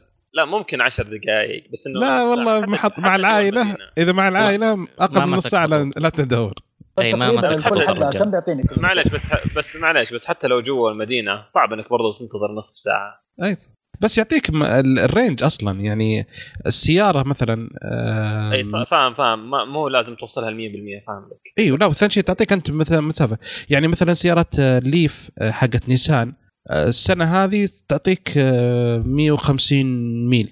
آه، سيارة آه، بولت حقات شيفرليه تعطيك 200 ميل شحنة. سيارة آه، تسلا اللي أعلن عنها رودسر تعطيك 1000 ميل. هذه هبال تركب أيوه. الحاله هذه. بالضبط. يا حبيبي أنت تتكلم عن آه، تمسك خط آه، من جازان إلين الرياض تصل الفندق تعشى آه، تاخذ شاور تطلع ت- تاخذ لك لفة في التحلية وتتعشى وترجع تنام تشحن سيارتك بعدين تطلع تكمل الإمارات. كمل حياتك. أيوه. بس شوف في نقطة. السيارات هذه ترى تصنيفها لاكجري تصنيف السيارات هذا فخم. بس آه ف- من ناحية فخمة فخمة. أنا ركبت أيوة. سيارة تسلا اللي هي ال- ال- ال S الظاهر اللي هي الفخمة اللي الفخمة فيها. الجيب؟ لا اللي تحت اللي أقل من الجيب. آه ال- في حاجة زي زي زي ال- زي الهاتش باك كذا عارف بس إنه آه، فخمة. زي تعرف آه، بورش هولس. باناميرا أي معروف الباناميرا زي هو الأس هو الأس. هو الأس الظاهر. إيه صراحة يعني فيها فخامة من جوا غير طبيعية. يعني حتى حتى لما لما ركبت السيارة أنا يعني استغربت. انت متعود على ديكور معين في السيارة. أيوة. عرفت الأزرار اللي قدامك تحس ال- الدعاسات تحت الأشياء هذه. كله متغير. انت بس قدامك المقود. عارف الباقي كله تحس إنه آه، جاي كذا بت- بتشطيب. السيارة نفسه. آه، كله شاشة اللي حواليك. ما ما في عندك أزرار ما في عندك ما في أي أزرار. شيء. كله أيوة شاشة. شاشة. شاشة كله 12 انش أيوه بالضبط. كلها شاشة اللي حواليك. تحس إنك في يعني أتوقع في البداية اللي يبغى يسوق سيارة سيارة تسلا أو سيارة كهربائية يمكن يبغى له يتعود شوية لين يبدأ يت- يتعلم كيف يتعامل مع الأشياء اللي جنبه. بس ما لأنه ما تحس في شيء. هذا. ما تحس إنه يقتل المتعة؟ أنا متعتي لما أشوف حاجات كثيرة كذا قدامي أقدر أسوي أطفس أخربط كذا. أبغى طيارة. والله شوف كل شيء تسويه بالشاشة. لا ما ما أبغى أبغى ازرار 6000 أبغى زر في شيء الشاشة يصير محسوس. مشكلة. أبغى شيء محسوس. لا، أبغى شيء محسوس. كذا تعرف تسوي تك يعطيك صوت. لا ما في. لا في القارب هذه حتى حتى ما حلاوة الصوت أيوه هذه حتى لما الواحد يعدل السيارة أخ... أكثرهم يختاروا أزرار تعطي أصوات. هذا جزء من المتعة. طيب يا شباب ال- بالنسبة للتسلا هل هي آه، بتولد الطاقة لنفسها برضو هي ماشية ولا بس أي. عن طريق الشحن؟ لا لا زي آه، مثلا ال hybrid آه، من البنزين بتولد طاقه كهربائيه لنفسها عن طريق آه، الفرامل عن طريق ال- أي عن طريق الفرامل. أنت لما تستخدم الفرامل السيارة برضو تشحن نفسها. هذا راح يعطيك آه، استمرارية أكثر. امم حلو. أي دعس على الفرامل على طول. يعني وأنا واقف عند الإشارة مثلا تشحن. ممتاز. لا آه، إذا دعست فرامل إلين ما وقفت. لأن حركة الكفر هذه okay الاحتكاك تول- اللي أيوة، يصير هذا. الاحتكاك. okay okay okay. يستخدمونها في توليد طاقة لكن إذا السيارة ثابتة لا خلاص ما عاد في شيء. ممتاز ممتاز. طيب آه، أنا أحس إنه غطينا كل الجوانب. باقي باقي- باقي في أحد بيضيف شيء يا شباب على موضوع السيارات الكهربائية؟ آه أي نصيحة مم. نصيحة. إذا بتاخذ سيارة كهربائية حاول إنك دائما تدق بوري لأن السيارة صامتة حرفيا. ما فيها- ما, ما- ما فيها ما صوت. فيها أي صوت صح صحيح. وها يعني ممكن يجي واحد ما هو حاس فيك. فممكن ما ينتبه لك فتصدمه. فهذه مصيبه فلازم تبقى منتبه. آه ثانيا ال autopilot آه حتى الآن ما اللي هي القيادة يعني الآلية. أيوه القيادة الآلية. حتى الآن ما هي يعني هذاك الشيء ال perfect آه ثانيا ما هي أكثر الدول سامحة فيها ولا كل الولايات سامحة فيها. آه مشكلتها ما بين شركات التأمين والشركة نفسها. والسواق انه لما تصدم السيارة هي على ال autopilot أو ما هي على ال autopilot هذا يفرق مين مين, مين. أيوه. أيوه مين المتسبب؟ فهذه مشكلة. وقد طلع آه، تقريبا آه، أربع أخبار أو خمسة أخبار. آه، الملاك يتهمون فيها تسلا تحديدا موديل إكس اللي هو الجيب بأنها تسببت في الحادث. هذه. المسبب. أيوه. وللمعلومية ال autopilot في السعودية ممنوع. إذا سيارتك تسلا فيها autopilot احتمال ما تخش. إحنا إحنا لحقنا نستخدمها عشان يمنعونا طيب مو- موجودة خلينا في كذا كذا شخص آه، يعني اللي شاريها من الامارات وجايبها هنا يستخدمها موجودة في الشوارع مم. بس ما أتوقع إنه آه، بما إن السيارة أصلا هل هل يستخدمها يعني بشكل يومي يعني هذا اللي جايبها من الإمارات آه، يعني كيف ممكن. ممكن كيف زي ما. تقول weekend weekend هو ال- ال autopilot اللي يستخدم يعتمد على ال- خطوط جوارح الإبار يعتمد على الحساسات يعني أشياء كثيرة. آه، أصلا يعني نص شوارع ما فيها خطوط فمشي حالك ما حتشتغل زين. طيب آه هذا بالنسبة لل- للمحرك نفسه مثلا هذا كهربائي وعرفنا الشيء هذا ما له صوت. لكن الأجزاء الثانية حق السيارة آه زي مثلا الكفرات الأشياء هذه آه لا- لا- لا- الأنوار هذه هذه كلها تعتبر أجزاء سيارة عادية زي اللي نشوفها ولا تختلف بشكل أو بآخر؟ آه الكفرات آه أجزاء عادية. طبعا ما في ما فيها ش- ما فيها شكمان. لا السيارة ما فيها شيء كمان إيه، ابدا. لا- مم. آه، في سيارة في أو بالأصح في شركة ثانية كهربائية موجودة تقريبا كانت من قبل تسلا أو بد- مع بداية تسلا. حاليا بدأت تموت. آه، والله ناسي اسمها. آه، كانوا حاطين آه، كارما؟ كمانات أيوه؟ هذه هي كارما. آه، بدأت تموت لأن تسلا غطت عليها غلبتها حرفيا. آه، يعني تصميمها حلو. بس التقنية عندها أقل أتذكر إنه تقريبا استحوذ عليها إيلون ماسك ولا؟ لا لا ما استحوذ بس لا لا لا كانت آه، آه، حتى, حتى لو فكر حتى يستحوذ أتوقع آه، راح تمنعه الحكومة لأنه يعتبر آه، قتل المنافسة. آه بس هذه الشركة كانت تصاميمها حلوة آه كانوا حاطين آه exhaust آه مزيف أو منظر بس يعني كذا كشكل كذا عشان اللي. ال- وكان في عندهم option اللي هو إذا تبغى صوت بنحط لك آه في ال speakers. وزود عليه. ادفع. يعني يبين كانها سيارة شغالة يعني. أيوة. أيوة. سيارة حقيقية. آه مع إنه آه سماعات بس. اسم آه. اسمه فيسكر. واسم السيارة فيسكر كارما. كارما. فيسكر أيوة. كارما. شركة اسمها فيسكر وهي كارما. okay. آه، برا الموضوع شوية. آه، السيارات اللي آه، تسوي آه، أصوات مزيفة بدأت تكثر. وللأسف صاروا حتى بورشه يستخدمونها. لما. تاخذ أيوه أيوه. معلش صوت هو- بورش حلو معلش. خليه يطلع. لا لا هي هي حلوة. لا لا شوف إيش الآن في ال- هي- المواصفات الأوروبية أجبروهم عشان الانبعاثات من الانبعاثات إنهم يقللون الأحجام المحركات. فالصوت القديم اللي كنت متعود عليه زمان ما عاد موجوده اليوم. فصاروا يحطون سماع في السماعات أصوات مزيفة. شيء. مؤسف لكن لأجل الطبيعة. أيوه كويس إن قلت لجنه طبعا برضه في مشكلة الحين هو التسويق كان السيارات الكهربائية إنها صديقة للبيئه أو صديقة للبيئه بس زي ما قلتوا يا شباب أنتم إنه البطارية بتتغير كل أربع سنوات وخمس شوف فالبطاريات هذه التسويق يعني. هذا ما راح يكون يعني مضر للبيئه شوف أنا شفت كاريكاتير. حاط لك كذا سيارة كهربائية بجنبها شجر وراها مصانع وخراب ودمار. ف فعليا لو لو تحسبها فعليا أنت قاعد تستهلك طاقة. صح بس صحيح. هذه الطاقة ما تطلع غازات انبعاثات لكن اللي ولد الطاقة عشان توصلك هذه هو اللي مطلع هو الانبعاثات اللي مطلعها وبرضه مم. عندك زي ما قلت أنت البطاريات لما تتغير هذا إيش حيكون وضعها البطاريات القديمة يعني هذه كلها أيوة. ضرر للبيئة هذه يفترض إنه ضرر للبيئة. آه، الش- الشيء السليم إنه تكون ريوزبل أو أيوة. إعادة استخدامها يعني. تتعبى شيء زي كذا بس ما في تقنية عندنا الحين حاليا reusable أي أنا أقول لك زي. حق الجوالات شو اسمه؟ لمفهوم إذا نبغى نوصل لمفهوم ال- ال- نعم. البيئي البيئي ب- المتكامل لازم إنها تكون تدوير نفس البطاريات. لكن أتوقع الشركات ما بتسوي شيء هذا نهائيا لانها ما بتدفع لها زيادة أنت. صح. عرفت؟ أي ما راح يأثر إلا إذا عليهم كان ماديا. إلا إذا كان في إجبار حكومي. صحيح. اي صحيح. عموما الله يعطيكم العافية يا شباب. صراحة كان آه، نقاش جميل جدا صراحة. آه، وموضوع شيق صراحة موضوع السيارات الكهربائية. ولسه لسه هو باقي في بدايته. يعني ممكن مستقبلا نشوف أشياء آه، متطوره أكثر من اللي تكلمنا عنه. آه، طيب آه، موضوعنا الثاني اللي بنتكلم عنه آه، موضوع مؤخرا صار اللي هو شراكة جوجل آه، وأرامكو. أنا عارف تشوفون الاسمين جنب بعض غريبة لكن آه، ادينا الموضوع يا سلطان. آه، مؤخرا سوت عقد أرامكو وجوجل على بناء مركز بيانات ضخم في السعودية اي طبعا ال- الهدف منه في تحويل عمليات السعودية التجارية إلى الحوسبة السحابية. آه، التكلفة طبعا توصل مئات الملايين من الدولارات. أتوقع ذا الشيء بيعزز فكرة الشركات التكنولوجية إنهم يوصلون إلى السعودية، يكون عندنا علاقه سيرفرات آه، في السعودية، ممكن هذا يأثر على سيرفرات البلاي ستيشن أو ال PC آه، ويسوي نقلة تكنولوجية. ممتاز ممتاز والله يا أخي خبر جميل صراحة أيضا آه. أتوقع برضو فيه تابع لهذا الموضوع إنه فيه محاولات إنشاء زي السيليكون فالي في السعودية بحيث إنه فعلا يكون مقر الشركات الأم زي ابل وجوجل ومايكروسوفت وامازون. أتوقع آه، بالعهد بالنسبة لأمازون صحيح. آه، خلاص officially باقي بس الاعلان بس أمازون هي داخله الآن خلاص موجودة بس إنه باسم سوق دوت كوم.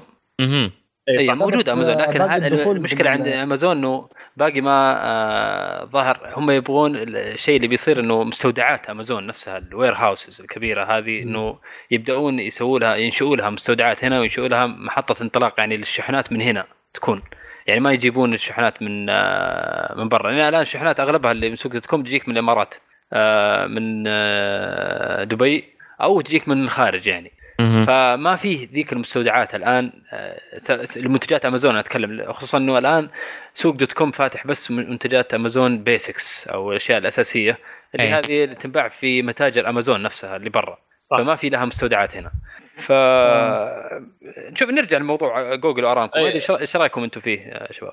في تعقيب بس على الموضوع إضافة إنه، تفضل. آه، التوجه أصلا يعني حاليا خصوصا مع رؤية 2030 يكون آه، السعودية لها دور قيادي من ناحية ال- آه، التكنولوجيا بشكل عام. برضو أي. الاتحاد السعودي للأمن السبراني والبرمجة أي. آه، مؤخرا وقعوا آه، مذكرة تفاهم مع مايكروسوفت. فواضح التوجه. آه، بالله سلطان لو تشرح بس إيش معنى الأمن السبراني؟ لأنه يمكن كثير ما يعرف إيش معناه. آه، الأمن السبراني يعني بشكل عام أمن المعلومات آه، برمجة آه، في هذا المجال التطوير. صحيح. يهدف إلى آه، توعية المستخدم آه، كيفية حماية البيانات كلها تهتم التكنولوجيا بشكل عام اللي يسمونه هو بالإنجليزي اللي هو ال cy- cyber security ال cyber security أمن أي. المعلومات. اي هو ممكن اهداف ممكن أهداف تتلخص تعزيز الأمن للدولة حماية مصالح المملكة الحيوية من ناحية الأمنية. تعرف الآن كل أغلب ال- الشركات والمؤسسات الحكومية تعتمد على التكنولوجيا بشكل عام خصوصا انه أي، الآن. بينتقلون بينتقلون حاليا إلى الحوسبة السحابية. وحماية البنى التحتية لحساسات المملكة. مؤخرا شفنا ال- الفيروس اللي انتشر قبل فترة وكيف أي. أثر على بعض الجهات الحكومية. فهذا ممكن يعزز من آه، آه، هذا المجال في السعودية إنه الواحد يصير آمن أكثر. آه، برضو الهاوين الهاكرز بعضهم يجيك هاكر ما ما يعرف فين يروح. ممكن تكون في دورات فيه آه، توجه في بطولة. آه، هذا ممكن جدا بيرفع قدرات السعودية في هذا المجال. امم آه، هو في بطولة سوتها الظاهر السي سي آه، قبل أسبوعين أو ثلاثة أسابيع تقريبا. آه، بطولة تهكير آه، جايبين زي المدينة الذكية آه، في قاعة تمام؟ والمدينة الذكية هذه آه، يعني مسوين فيها زي. هي زي النموذج كذا أبراج وكباري ومحلات وزي زي النموذج كذا في النص. والمتسابقين آه، على اليمين وعلى اليسار كل واحد معاه الجهاز آه، تبعه. واللي يقدر يخترق يعطونهم زي ال- التست يعني آه، اللي يقدر مثلا يقفل البرج الفلاني يقفل اللمبات في البرج الفلاني. حلو عرفت؟ جدا. أي. أيوه. ف وكان عليها إقبال حلو صراحة. بس إنه أنا مستغرب إنه ما فيه صخب إعلامي على الشيء اللي صار هذا. لأنه كان كان كان حدث رهيب. أنا عجبني صراحة الحدث اللي صار. توني أدري عنه هذا. أنا أيوة. أنا ما أدري عنه. هذه هي المشكلة. عندنا. اي ف غريب والله. خبر فهو كان تقريبا على مغطي. أيوه. هو تقريبا على نطاق آه، كان ضيق شوية. لكن إن شاء الله إنه مستقبلا تنتشر تنتشر آه، الأشياء هذه آه، وفعلا صار في, في ناس يعني مبدعين يعني في ناس هكروها في أوقات آه، خيالية يعني يعني إيه في ثواني حلو. آه، ما شاء عرفت. ف لا لا عندنا عندنا هنا عقليات صراحة وعندنا إمكانيات لكن لازم تستغل ولازم يطلع لها صوت هذا هذا اللي. نبغاه اي صحيح. وإن شاء الله الخطوات هذه اللي صايرة من الحكومة سواء من الشركات أو من الحكومة من آه، أرامكو شراكتها مع جوجل والعقود اللي توقعها الحكومة مع الشركات الكبيرة السيليكون فالي وال ال- وادي مكة أيضا. وادي, وادي مكة مكة. برضو. وكي مدى وك... أيوه أول وكيش؟ وكيش؟ وادي مكة. وادي مكة شغال كويس. صح. شغال كويس مرة. آه، أكثر من أو كذا منتج صراحة عجبني. آه، نقدر نقول أكثر منتج محسوس منها وهو الآن على قيد التطوير أو الشغل ما له في التقنية لكنه صراحة بادرة طيبة اللي هو ساعة مكة. أحد فيكم سمع فيها؟ آه لا والله بس ساعة مكة؟ نبدا أحسن. أي نعم. آه ساعة مكة هذه آه، ساعة ميكانيكية يا عزيزي. آه الجميل فيها آه تت- تشتغل أو العقارب تتحرك مع حركة آه، الطواف الطواف حول الكعبة تمام؟ آه كلها تصنيع سعودي آه تصنيعها آه موجود هنا شغالين عليها. تقريبا حاليا الآن تقدر آه تطلب لك ساعة خاصة آه بالتصميم اللي تبغاه. عليها اسمك عليها شيء. وإذا أنا مو غلطان آه، تقريبا سعرها حوالي ال 1500 ريال. ساعة ميكانيكية طلب خاص شيء جبار. ممتاز ممتاز. والله ممتاز. طيب باقي في أحد بيضيف شيء يا شباب على ال- التغييرات ال- ال- السايبر اللي قاعدة تصير في السعودية هذه؟ والله إحنا ننتظر زيارة ولي أيوه. توقيع آه. عقود. يا مع- وليد وليد أنت طحت في البير مع ولي العهد. لا تخاف. قول-. هيبة الاسم. هيبة الاسم. على طول.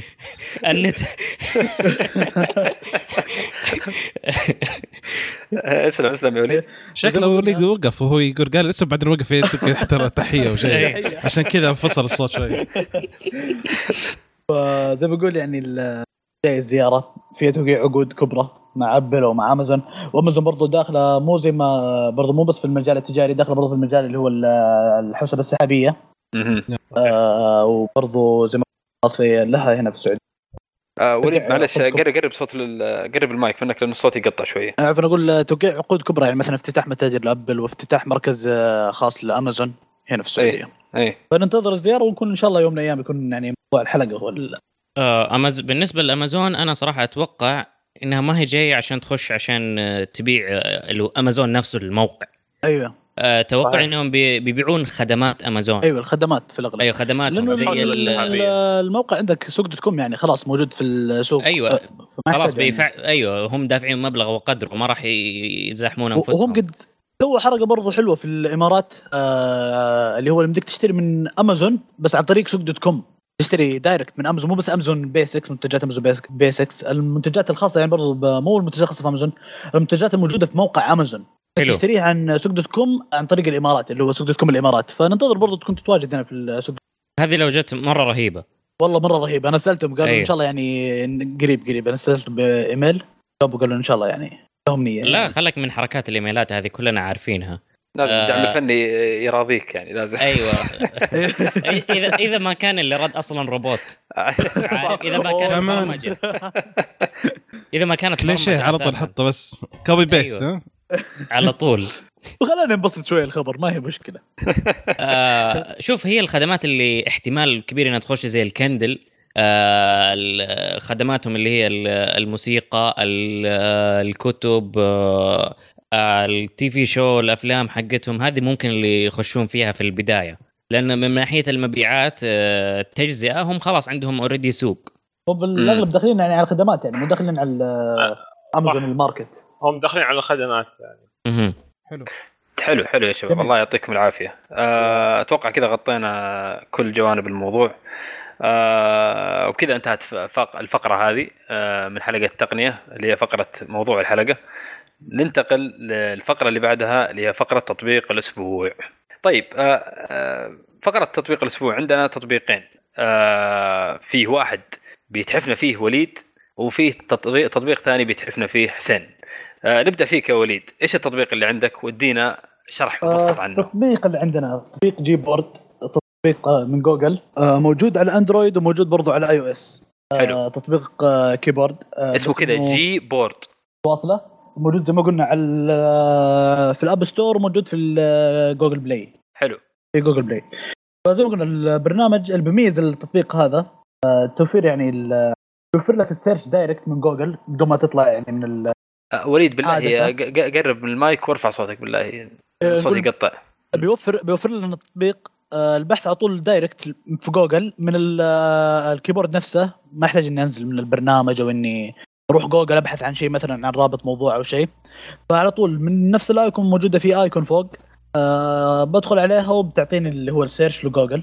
وبرضه بيعطيني يسوي على طول تنسخ على طول. الشيء اللي هو- تشوفه صورة أيوه. أو أي شيء وتنزله على. طول في ال keyboard عندك برضو أيوه زي ما زي ما ذكرت في عندك صورة لو مثلا موضوع عن صورة أو مثلا رابط ويكيبيديا أو مثلا رابط موضوع ورابط أغنية أو مثلا مقطع يوتيوب أو برضو GIF أيوه. أو برضو آه، مثلا تتفق أنت وأحد على مثلا على location مطعم برضو بديك ترسل ال location direct يعني للمطعم. آه، ممتاز ممتاز. نفسه.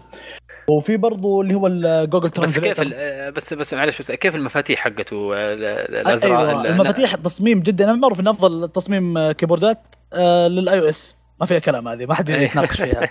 فتصميم تصميم ال iOS طبعا أنت لك الحرية إنك تغير الألوان أو تغير الأشكال وديك برضو تخليها متفرقة. التصميم جدا جميل وجدا بسيط وجدا عملي. آه وبرضه في برضه زي ما قلنا إحنا ال search في برضه search لل emoji وفي برضه يدعم ال bit Bitmoji حق ال Snapchat. آه حلو. آه وبرضه بيدعم ال stickers وال GIF فتطبيق شامل يعني بدينا نقول. في برضه زي ما قلت آه، عفوا ال Google translator هذا ما ذكرنا. الترجمة الفورية. إنه ما يحتاج تطلع من البرنامج على طول تكتب اللي تبغاه يت- يترجم في ال keyboard ويحطه لك في الشات. فالبرنامج جدا خرافي. برضه اقتراحات الكلمات هذه برضه مشكلة في ال keyboard ات. أجهزة.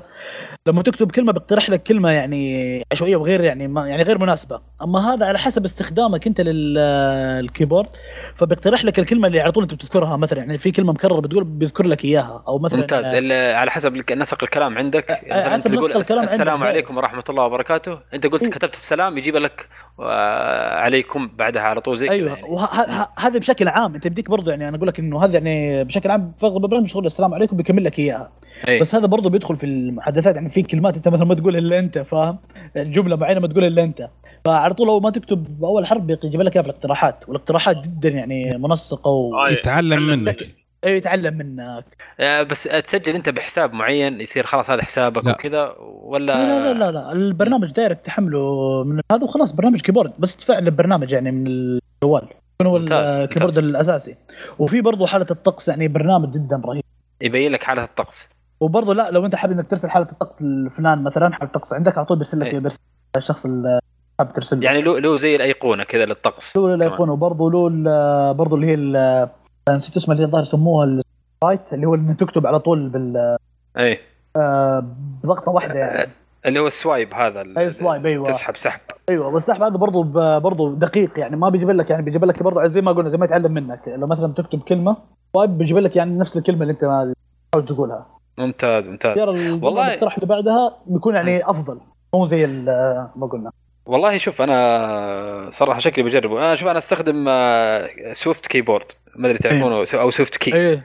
آه هذا أستخدمه من زمان. الآن صار آه كل الكلام اللي أكتبه prediction آه كله كله توقعات. ما أكتب شيء. والله ما الشيء ولا حرف.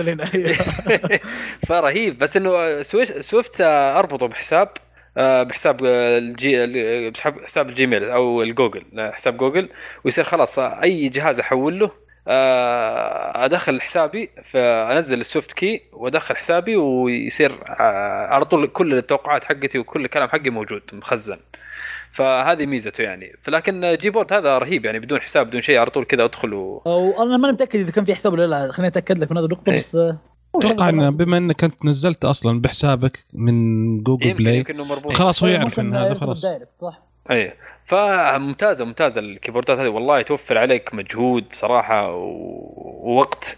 وقت. آه فعلا فعلا رهيبة. وفي الخصائص اللي أنت قلتها. والله التطبيق صراحة مميز. الله يعطيك العافية يا وليد. طيب آه ننتقل للتطبيق اللي بعده. آه عندك يا حسين. يا هلا. التطبيق اللي عندي آه، هو لتخزين أو للحفظ الرسائل اللي هو اسمه اس ام اس backup Plus على الأندرويد ما أعرف إذا كان موجود على ال iOS بس تقريبا لا. ما في ما في. ما في؟ آه، okay أصلا أنتم حاجات كثيرة. ما أدري ليش آه، انت معقدين يا أخي. أنت عنصري عنصري أصلا. ما في. ليش معقد؟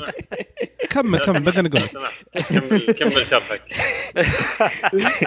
والله قلبوا بدر بدر آسف. يقلب.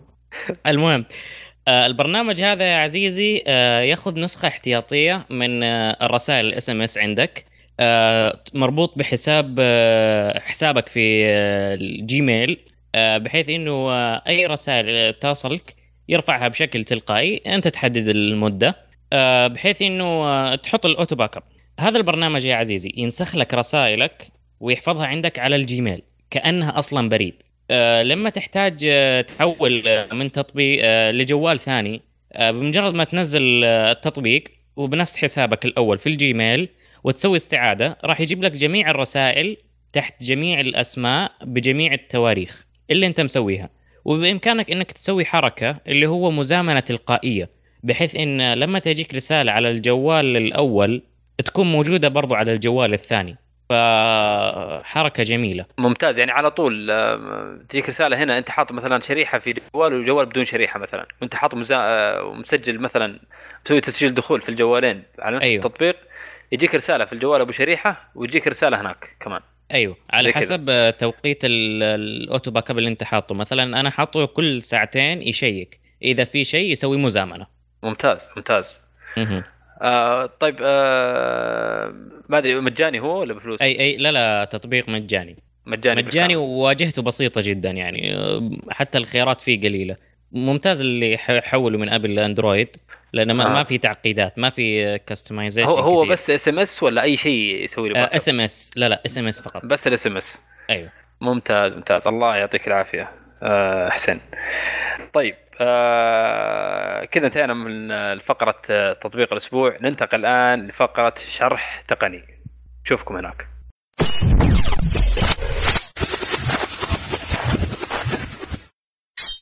طيب يا شباب عندنا الآن فقرة الشرح التقني. بنتكلم عن آه، تساؤل صراحة آه، يعني آه، كثير منا ين- ينتقل من جوال لجوال من tablet ل tablet آه، فسواء من نظام لنظام.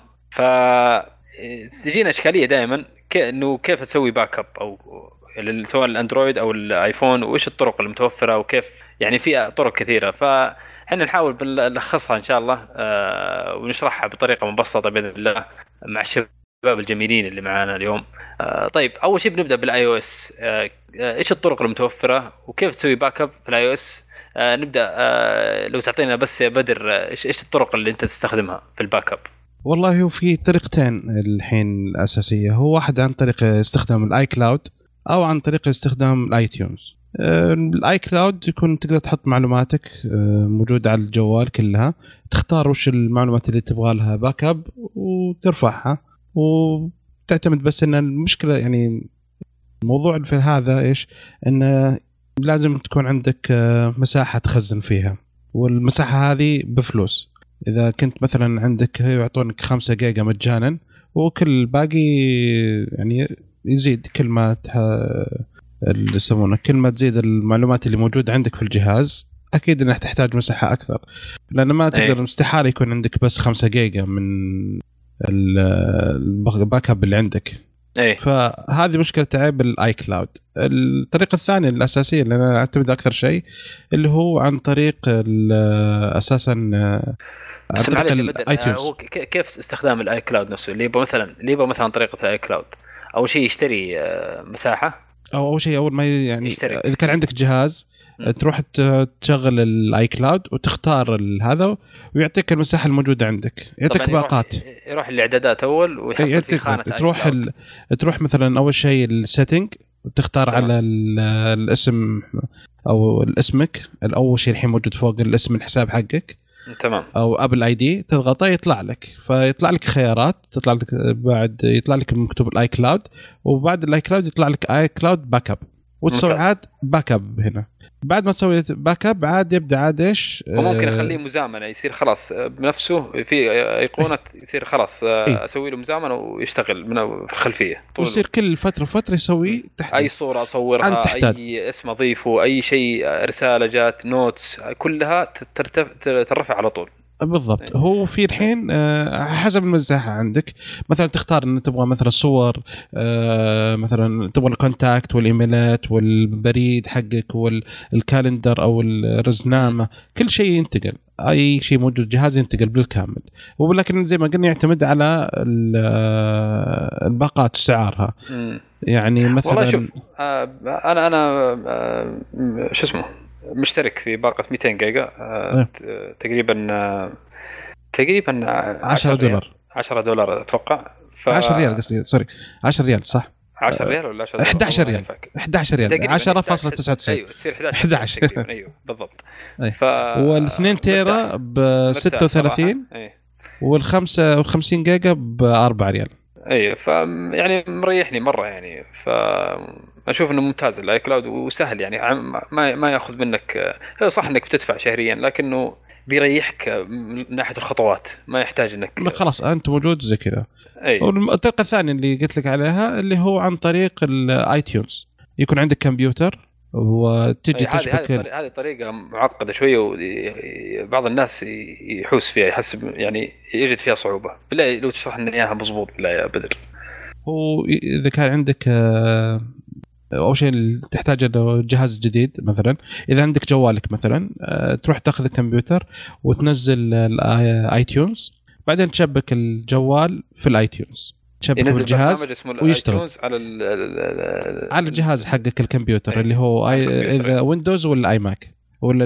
ال Mac فبعدين عاد تشبك الجوال بالشاحن يطلع يشتغل ال iTunes مباشرة آه،. يطلع لك خيارات خيارات في أهمها. check for update أو تحديث بحث عن التحديثات. و restore لك نفس الجهاز. اي إذا كان يقدر ينزل اي ينزل نسخة كاملة على الكمبيوتر ومن ثم يحدث لك الجهاز. وفيه أي. restore iPhone هذا لو مثلا جهازك تعطل ولا شيء يكون موجود.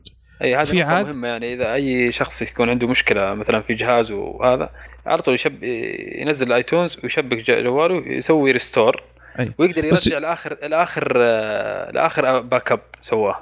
حلو؟ أيوه. يصير هو يعتمد عليك.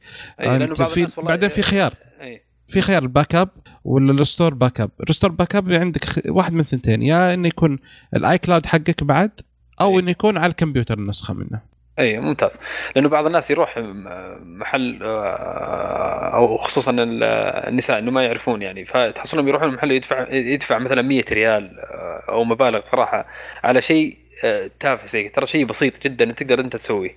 اي ويجي هو وش وش يسوي؟ هذا- هذاك أيوه، يمسح لك الجهاز. بس. أيوه صاحب المحل يسوي لك بس آه، الطريقة هذه بس. ينزل لك هو عنده ال iTunes اللي هو أنت تقدر تنزله مجاني اي نعم. ويشبك لك الج- الجوال وي- ويمسح لك الجوال. أيوه restore يمسح لك إياه. إياه وينزل لك backup إذا عندك backup بس هذا اللي في بيسويه. نقطة في نقطة أي، مهمة تفضل يا سلطان.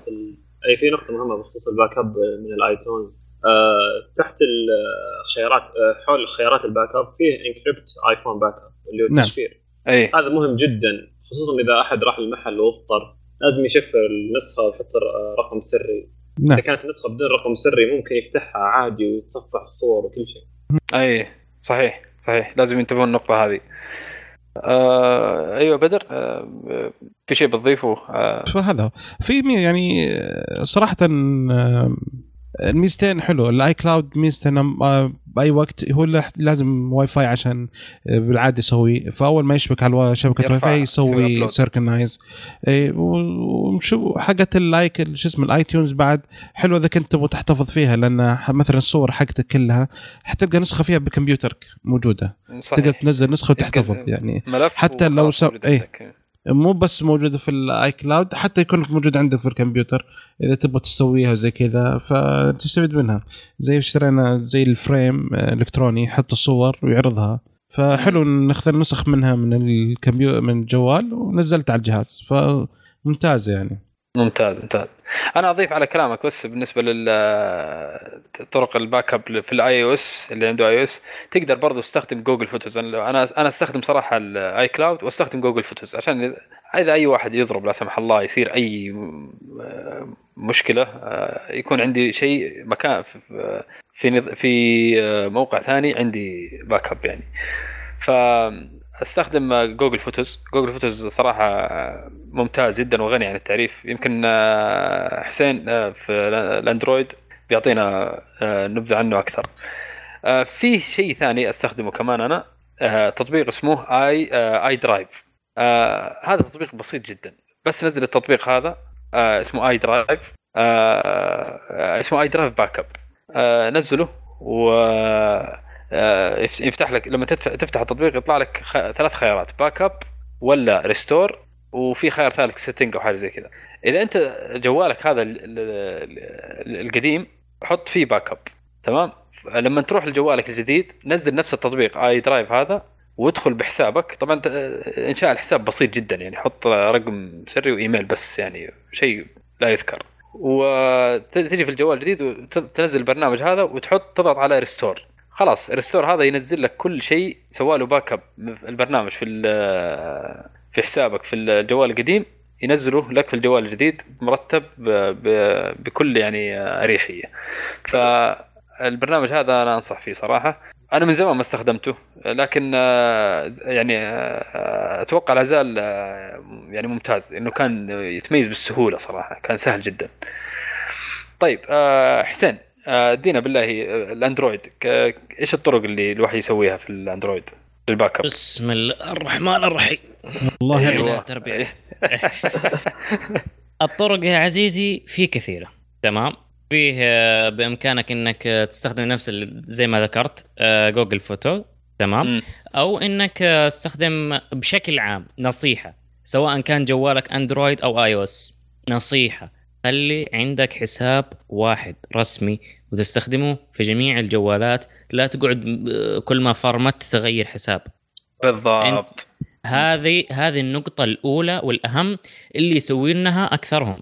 أكثر الناس سواء كان عنده اي أو اس أو اندرويد صحيح. مع كل ف- مع كل بس format. بس بضيف بس نقطة بس صغيرة حسين على كلامك هذا إنه أي شخص آه، آه، يسوي له حساب لا لا لا, لا يخلي المحل مثلا يروح عند محل ويخليه هو يسوي له حساب. سوي لك حساب أنت برقمك السري.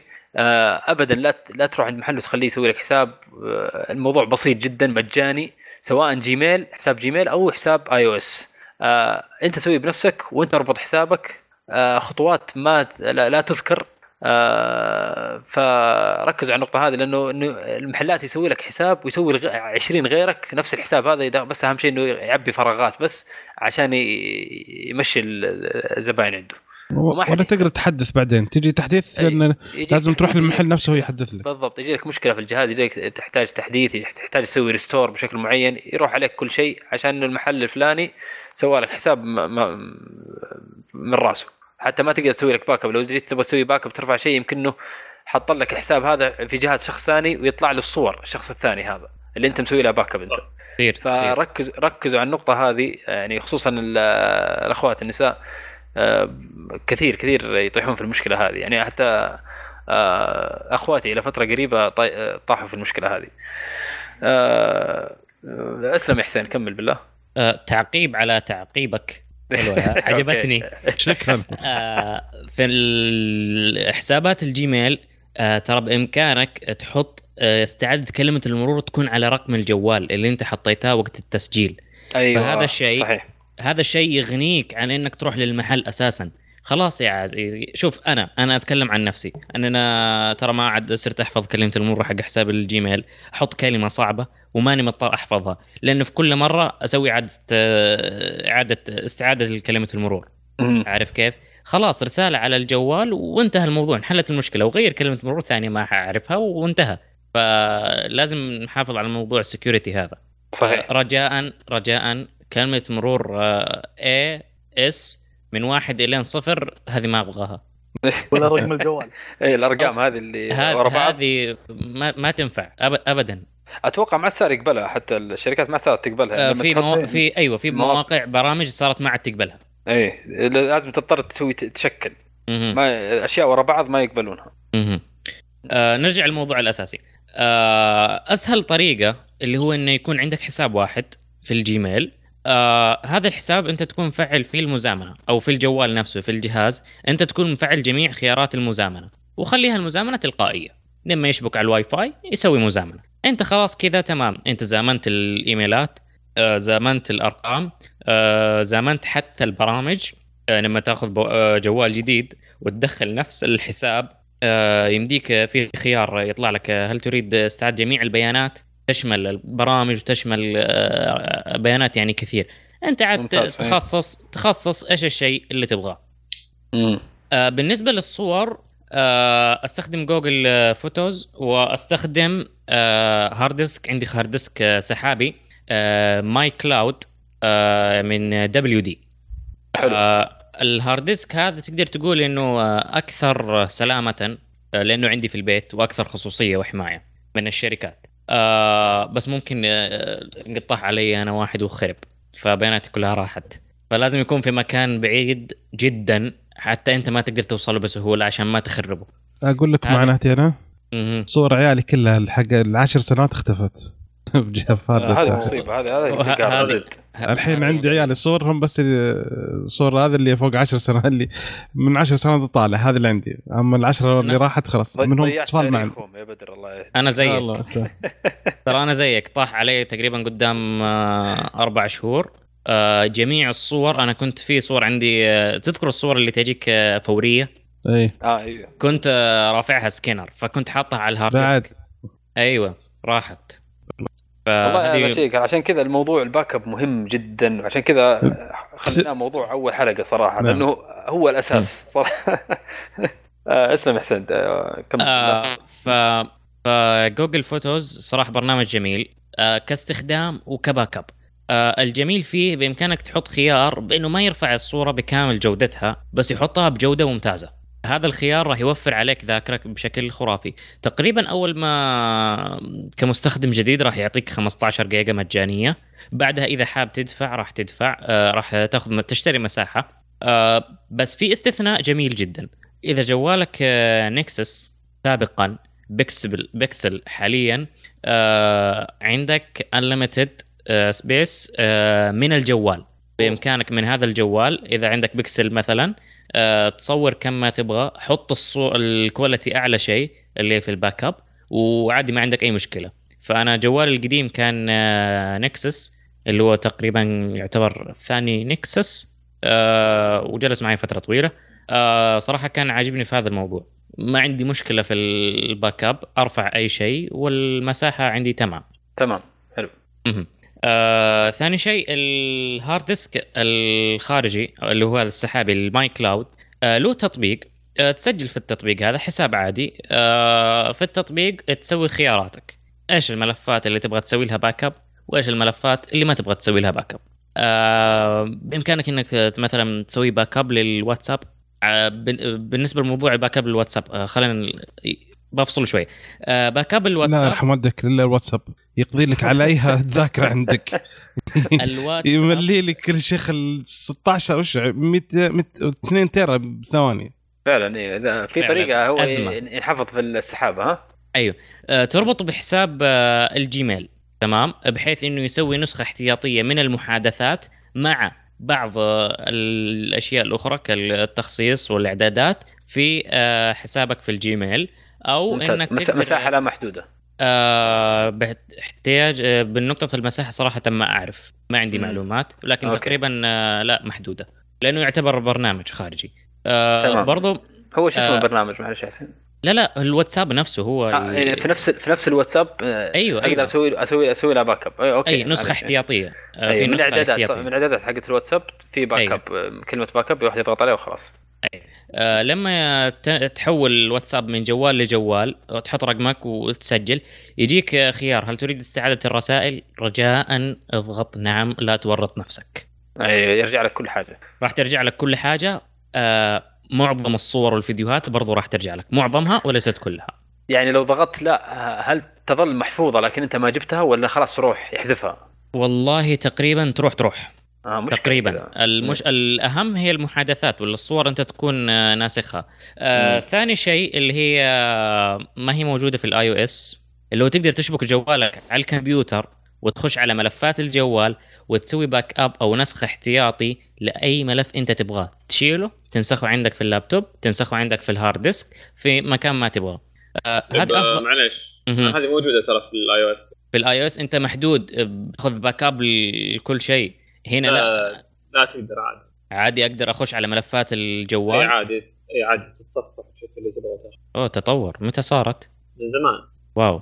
okay. آه لا آه. لا كذا كذا. أنت تحاول يا حسين. أنت تعيب في ال iOS لكن ما والله شوف شوف بالنسبة لا لا. أنا. بخليك تكمل جملتك وبقاطعك بس ما شاء الله الشباب الله يعطيه العافية. يعجبني سلطان شكراً. يعتبر جانب مظلم. شوف ال iOS يعتبر بالنسبة لي جانب مظلم. انت عاد التكنولوجيا ممكن تكون عنصري شوي بس عاد. آه والله ما أنا فاضي أشوفها أصلا. آه okay. آه اسمع بدا بدأت ملامح سلطان ت- بدأ سلطان أيوه. يكشر عن انيابه عرفت؟ هو لا لا هو من البداية من اللي صار بداية الحلقة. آه المهم آه اللهم صل على محمد. آه إيش الطريقة اللي أنا كنت أستخدمها في ال- الكم سنة اللي راحت؟ هي إني أدخل على ملفات الواتساب والتليجرام آخذ أسوي لها نسخ بشكل كامل اللي عندي على الكمبيوتر واسوي لها حذف على ال- الجوال وأحذف اللي أبغاه وأخلي اللي أبغاه. هذه الطريقة كانت تفرغ لي مساحة كبيرة ترى بالذات الواتساب. في كمية صور وملفات فيديو في الواتساب أنت ما تدري من فين تطلع لك صراحة. امم صحيح. فهذه مشكلة. آه، أما بالنسبة للأرقام فهذا زي ما قلت آه، تسيبها للنسخ احتياطي آه، مع حساب جوجل اللي هو عن طريق المزامنة تفعل المزامنه ال SMS تكلمت عنها في برنامجها منفصل. أت- تقريبا غطيت كذا جميع الأشياء. ممتاز. الله يعطيك العافية. طيب آه باقي في أحد بيضيف شيء؟ آه آه، سلطان وليد عندكم شيء بتضيفونه على ال- الباك لا ما قصروا الشباب ابدا. الله يعطيهم العافية. ابد الله يعطيكم الف ألف عافية يا شباب. آه طيب آه ننتقل الآن للفقرة الأخيرة آه من حلقتنا اليوم آه اللي هي فقرة اسأل كشكول للتقنية. نشوفكم هناك.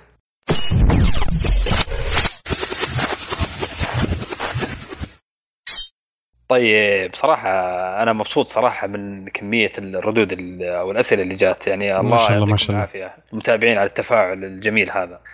طيب آه نبدأ أنا في أول آه آه سؤال من اسلام بوفيتش آه يقول يقول وين أبو عمر الأندرويدي كان يحل النقاش لأنه يصير iOS ضد أندرويد؟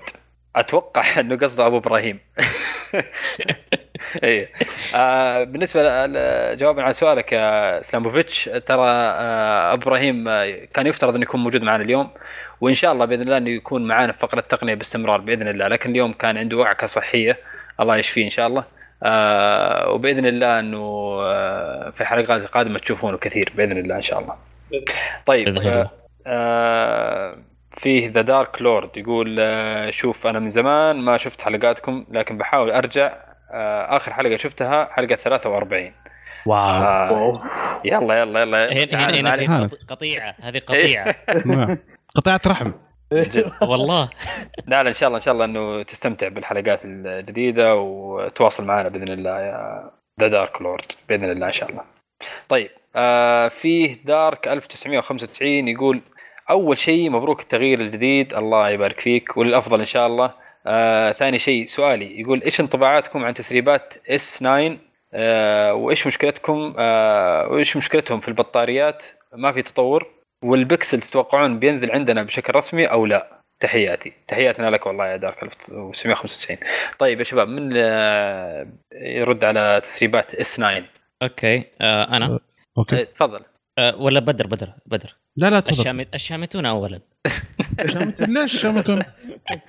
والله على شوف على حسب تسريبات إن واجهة الجهاز حتكون نفسها حجم الجهاز حيكون نفس الجهاز عن حال الاس 8 آه، الاختلاف حيكون في الحساسات الأمامية لأن في احتمال كبير إن يدعمون يدمجون حساس القزحية أو الريتنا سكان مع حساس الوجه عشان يسوي زي ال 3 دي بالنسبة حق أبل ففي احتمال يسوونه.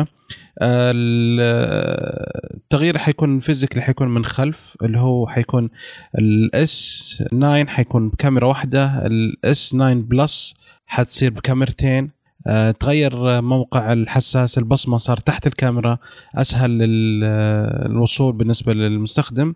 آه، في احتمال كبير إن الكاميرا حتجي بالتقنية الجديدة اللي هي آه، تغير آه، فتحة العدسة آه، الكترونيا مو بالكترونيا physical يعني نفس الحجم حيتغير من 1.9 ل 1.5 aperture تقريبا إن ما كنت غلطان. فحيصير يعني تجربة يعني تصوير مختلفة مرة. ف... طيب إيش رايك إيش رأيك عنه ال S 9 التسريبات تحس انه ممكن تشتريه يعني ولا يعني متحمس له؟ يلا حقين أندرويد تكلموا.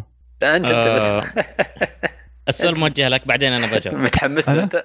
أي. أنا عندي الحين S 8 فما ما ما خليني يعني تحس إنه ما, ما في ذيك النقلة اللي ممكن قبل قبل شهر تقريبا أو شهر مشتري فما أعتقد إن S 9 طيب لأن أنا أصلا ماني بحق تصوير فهو آه. أعتقد إنه هو توجه كله حيكون في الكاميرا فعشان كذا ما أتوقع بالنسبة لي يعني شخصيا ما أتوقع طيب حسين آه بالنسبة لي التسريبات آه أنا شخص أحيانا يهتم بالتسريبات. التسريبات اللي طلعت من ناحية التصميم الس- آه، احس الجوال صار بايخ فعليا شكله صار نوعا ما قبيح. الجمال هو رأي شخصي. آه، احسه يعني أنا أتفق معك في النقطة هذه صراحة. إيه. آه، أما بالنسبة للموقع الحساس البصمه فأنا عندي نوت 8 آه، حدث. مع الكفر ما عندك مشكلة في مكان الحساس. بس تصميمها يبقى ستيل التصميم غبي شوية. قديم- شوية. قديم. أنا خايف. إنهم ي... أيوه خايف إنهم يطيحوا في نفس مشكلة آه، سوني. عارف. مم. هذه مصيبة. آه، ثاني شيء لا تتوقع إنه راح ينزل مميزات قوية لأن كل اللي عندهم طلعوه في الإس 8 آه، كل اللي عندهم طلعوه كذا دفعة في الإس 8 فلا تتوقع إن تصير تحديثات قوية. آه، بس. طيب آه، بالنسبة للبطاريات آه، يقول ما فيها تطور آه، من يبغى يرد على والله؟ شوف يا أبو فراس بطاريات حق سامسونج كحجم قليل بس كاستهلاك الجوال أنا معي النوت 8 والله كاستهلاك الجوال و البطارية. جدا ترى يعني يوفر يعني ما هو استهلاكه ذاك اللي يحرق يعني. جوالك يوم أكثر يعني مرة. يعني, يعني بدأوا واحدة يركزون في طريقة استهلاك الكه... ال- أيوه. لو يركزون عليها لأنه البطاريات صراحة وصلت عند الجدار صراحة ما ما أدري كيف تطورها بيصير. بس في ابتكارات جديدة لا لا بس برضه أقول لك است- استهلاك السامسونج البطاريه استهلاك ترى جميل يعني ما هو ترى. ذاك الاستهلاك يعني اللي است- استهلاك. يعني جدا موفر يعني إنه يلا بالخير اشحن الجوال مرة واحدة في اليوم آه، اللعبة في التوفير البطارية صراحة هي تكون في حاجتين الشاشة والتطبيقات اللي تشتغل في الخلفية آه، والمعالج. أيوه والمعالج لا لا بس آه، هذه أكثر آه، شيئين يعني بالنسبة للسامسونج لأن لا شاشتهم هي لا، لا، عموما أنا ذكاء عن ذكاء الجهاز نفسه مهم. هل كيف يقدر يعرف إنك تستخدمه الآن ويعطيك باور وكيف يعرف إنك الجهاز مو في يدك الآن أيوه؟ م- آه برضو عندك حركة أنت مثلا لما تتصفح موقع عادي زي تويتر تمام مم. آه جودة ال- الشاشة ما راح تكون على الاعلى شيء لكن إيه. لما تشغل فيديو في تويتر تبدأ الآن الشاشة تنشط آه للجودة أو تسوي آه تفعل آه، أقوى آه طاقة عندها. فهذا ترى يحفظ كمية كبيرة من الطاقة من بطارية الجهاز. آه شيء آخر آه هم متخوفين من اللي صار في النوت السابق فما حطوا أحجام أكبر. بالإضافة لأن زي ما قلنا البطاريات هذه الليثيوم خلاص وصلت حدها. ما ما في القفزة النوعية. باقي ما قد صارت قفزة نوعية حرفية. تعطيك ال next level خلاص تمام طيب ال- البكسل تتوقعون ينزل عندنا بشكل رسمي أو لا؟ آه، أتوقع إنه موجود ولا؟ موجود عند جرير موجود عند جرير. الجيل الأول إيه. مش الجيل الثاني البكسل 2 ما الأسعار- نزل؟ لا لسه الأسعار مبالغة فيها مبالغ فيه بعد آه يعني. باقي يم- يمكن آه، هذا قصده برسمي يعني إنه يمكن شركات اتصالات الاس تي سي ينزلونه مثلا أو شيء زي كذا آه تقريبا موجود عند شركات الاتصالات في الفروع موجود البكسل؟ تقريبا إذا مو غلطان هو موجود عند زين تحديدا بس أعتقد. زين ما أيوه اس تي سي يعني- ما يعني عندها. وموبايل ما عندها إذا كذا موجود ولكنه. محدود عارف مم. محدود لأنه ما في تسويق كثير له بالأصح جوجل ما هي مهتمة بال آه، بالسعودية أو بالماركت هنا آه،. ما هي مهتمة بأنها تنشر الجوال هل أتو... آه، يعني في احتمال إنه يجي مع ال- الأسبوع الجاي لأن ولي العهد الله يحفظه رايح توقيع عقود. ما هي مذكرات تفاهم زي اللي صار أول؟ لا لا عقود فعلية حقيقية. مم. فهل آه، احتمال انها تجي احتمال ضعيف. نعم. تحديدا تح- تحديدا احتمال ضعيف. آه، ثاني شيء أتمنى إن جوجل توقف المنهج اللي صاير إنها قاعدة تمشي على نفس خطوات ابل ال- بالتحديد في ال- البكسل بوك. بس مم. آه، ملحوظة بسيطة. آه، ملحوظة أخرى. أنا مكثر ملاحظات. ملاحظات. إيش وضع dark؟ dark آه، ما أدري إيش آه، مكثرين dark the lord dark ما أدري إيش وين dark في dark كثير. يلا آه، مارفل خربت الدنيا لكن يلا. طيب فيه آه، كارمن يقول قبل سنة اقتنيت سماعة استوديو من شركة باير دايناميك.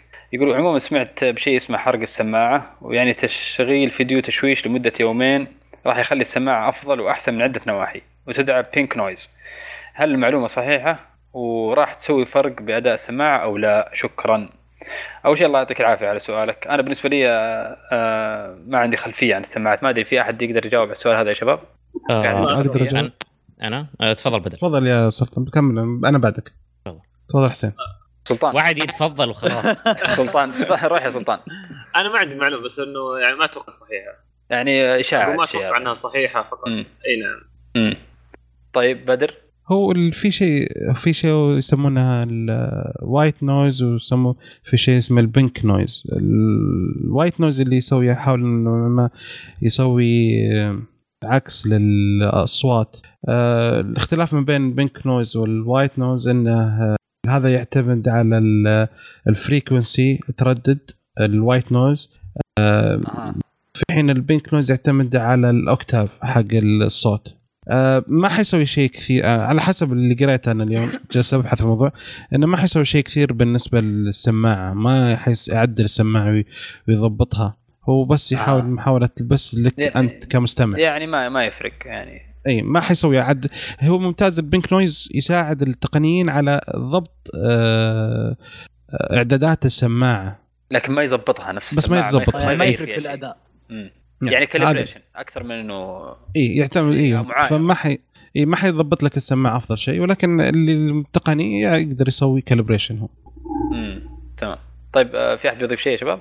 آه، أوكي آه، بالنسبة لي أنا تقريبا قدام سنتين أخذت لي آه، سماعة سنهايزر آه عاد سنهايزر آه، من آه، أفخم السماعات ما شاء الله آه الف... آه تقدر تقول كيف أشرحها بطريقة يعني أنت لما تشتري سيارة جديدة مو يقول لك الماكينة تمرين أيوه. هذه أشبه بالتمرين الفرق راح يكون مرة بسيط آه لكن إذا أنت يعني إنسان دقيق يعني إذا شفت زاوية بالغلط نفسيتك تتنرفز آه هذا ممكن. يعني يساعدك شوية آه مم. بس هذا هذا تعليقي آه تابع لكلام بدر آه أما من ناحية فرق فعليا فرق كثير لا لا ما ما راح تفرق كثير لأنه اوريدي هي مصنوعة بمواصفات معينة فما راح تقدر تعدل عليها إلا إذا عدلت على المواصفات نفسها. أما بمجرد إنك تشغل صوت راح يعدل عليها لا لا هو ممكن مجرد ما إنه يخلي آه، نفسها الربرات الكهرومغناطيسية تخليها تبدأ تتحرك لين ما تنتظم كويس وبعدها خلاص تمشي. زي تمرين السيارة.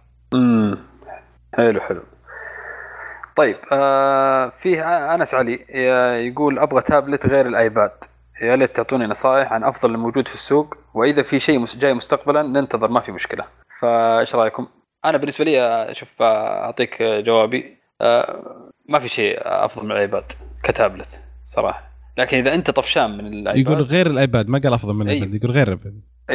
آه أوكي. يعني هو شيء. طفشان بالايباد أوكي.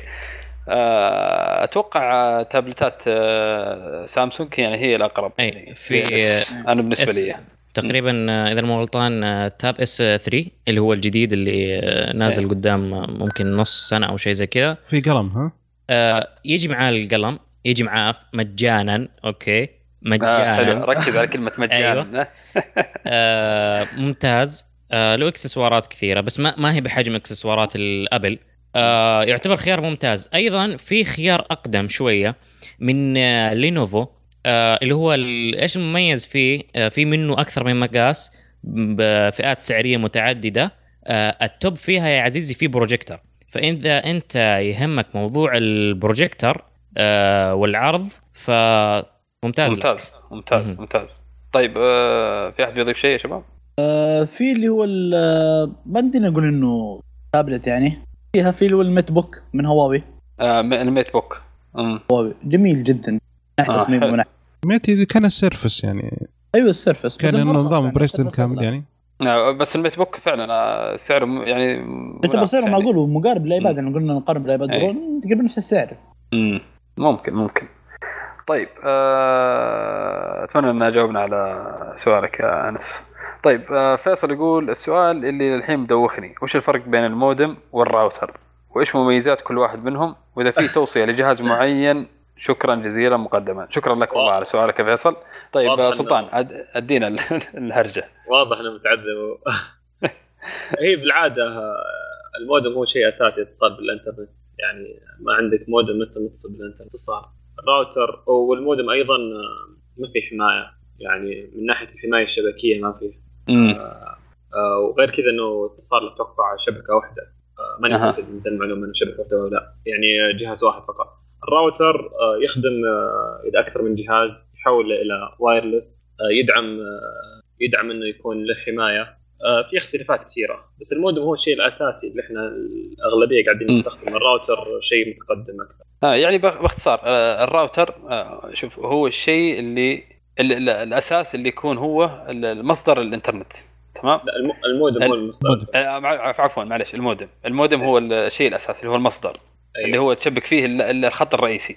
أيوه. الراوتر هذا اللي يوزع لك آه، أو يعطيك مميزات إضافية كحماية وكتوزيع وكقوة شبكة عندك في البيت. هذا الراوتر. نعم. آه طيب آه شوف بالنسبة للأنواع أنا آه ما في أنواع معينة كموديلات معينة لكن هي Link S Y S Linksys هذه آه، أي. شركة محترمة في آه، الراوترات يعني دولها وفي شركة ASUS.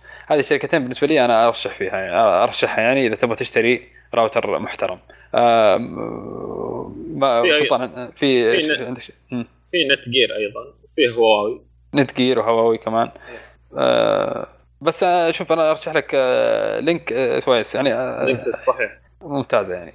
Linksys أيوه. خصوصا اللي يبغى يحول مثلا اتصال PlayStation دائما يكون عندك NAT type 1 و 2 صحيح. برضو في ال gaming بيفيدك أكثر أي، يعني. بيفيدك أكثر بأنه بيحول لك المودم إلى آه، بيفيدك أكثر إنه يحول لك إلى NAT type تمام.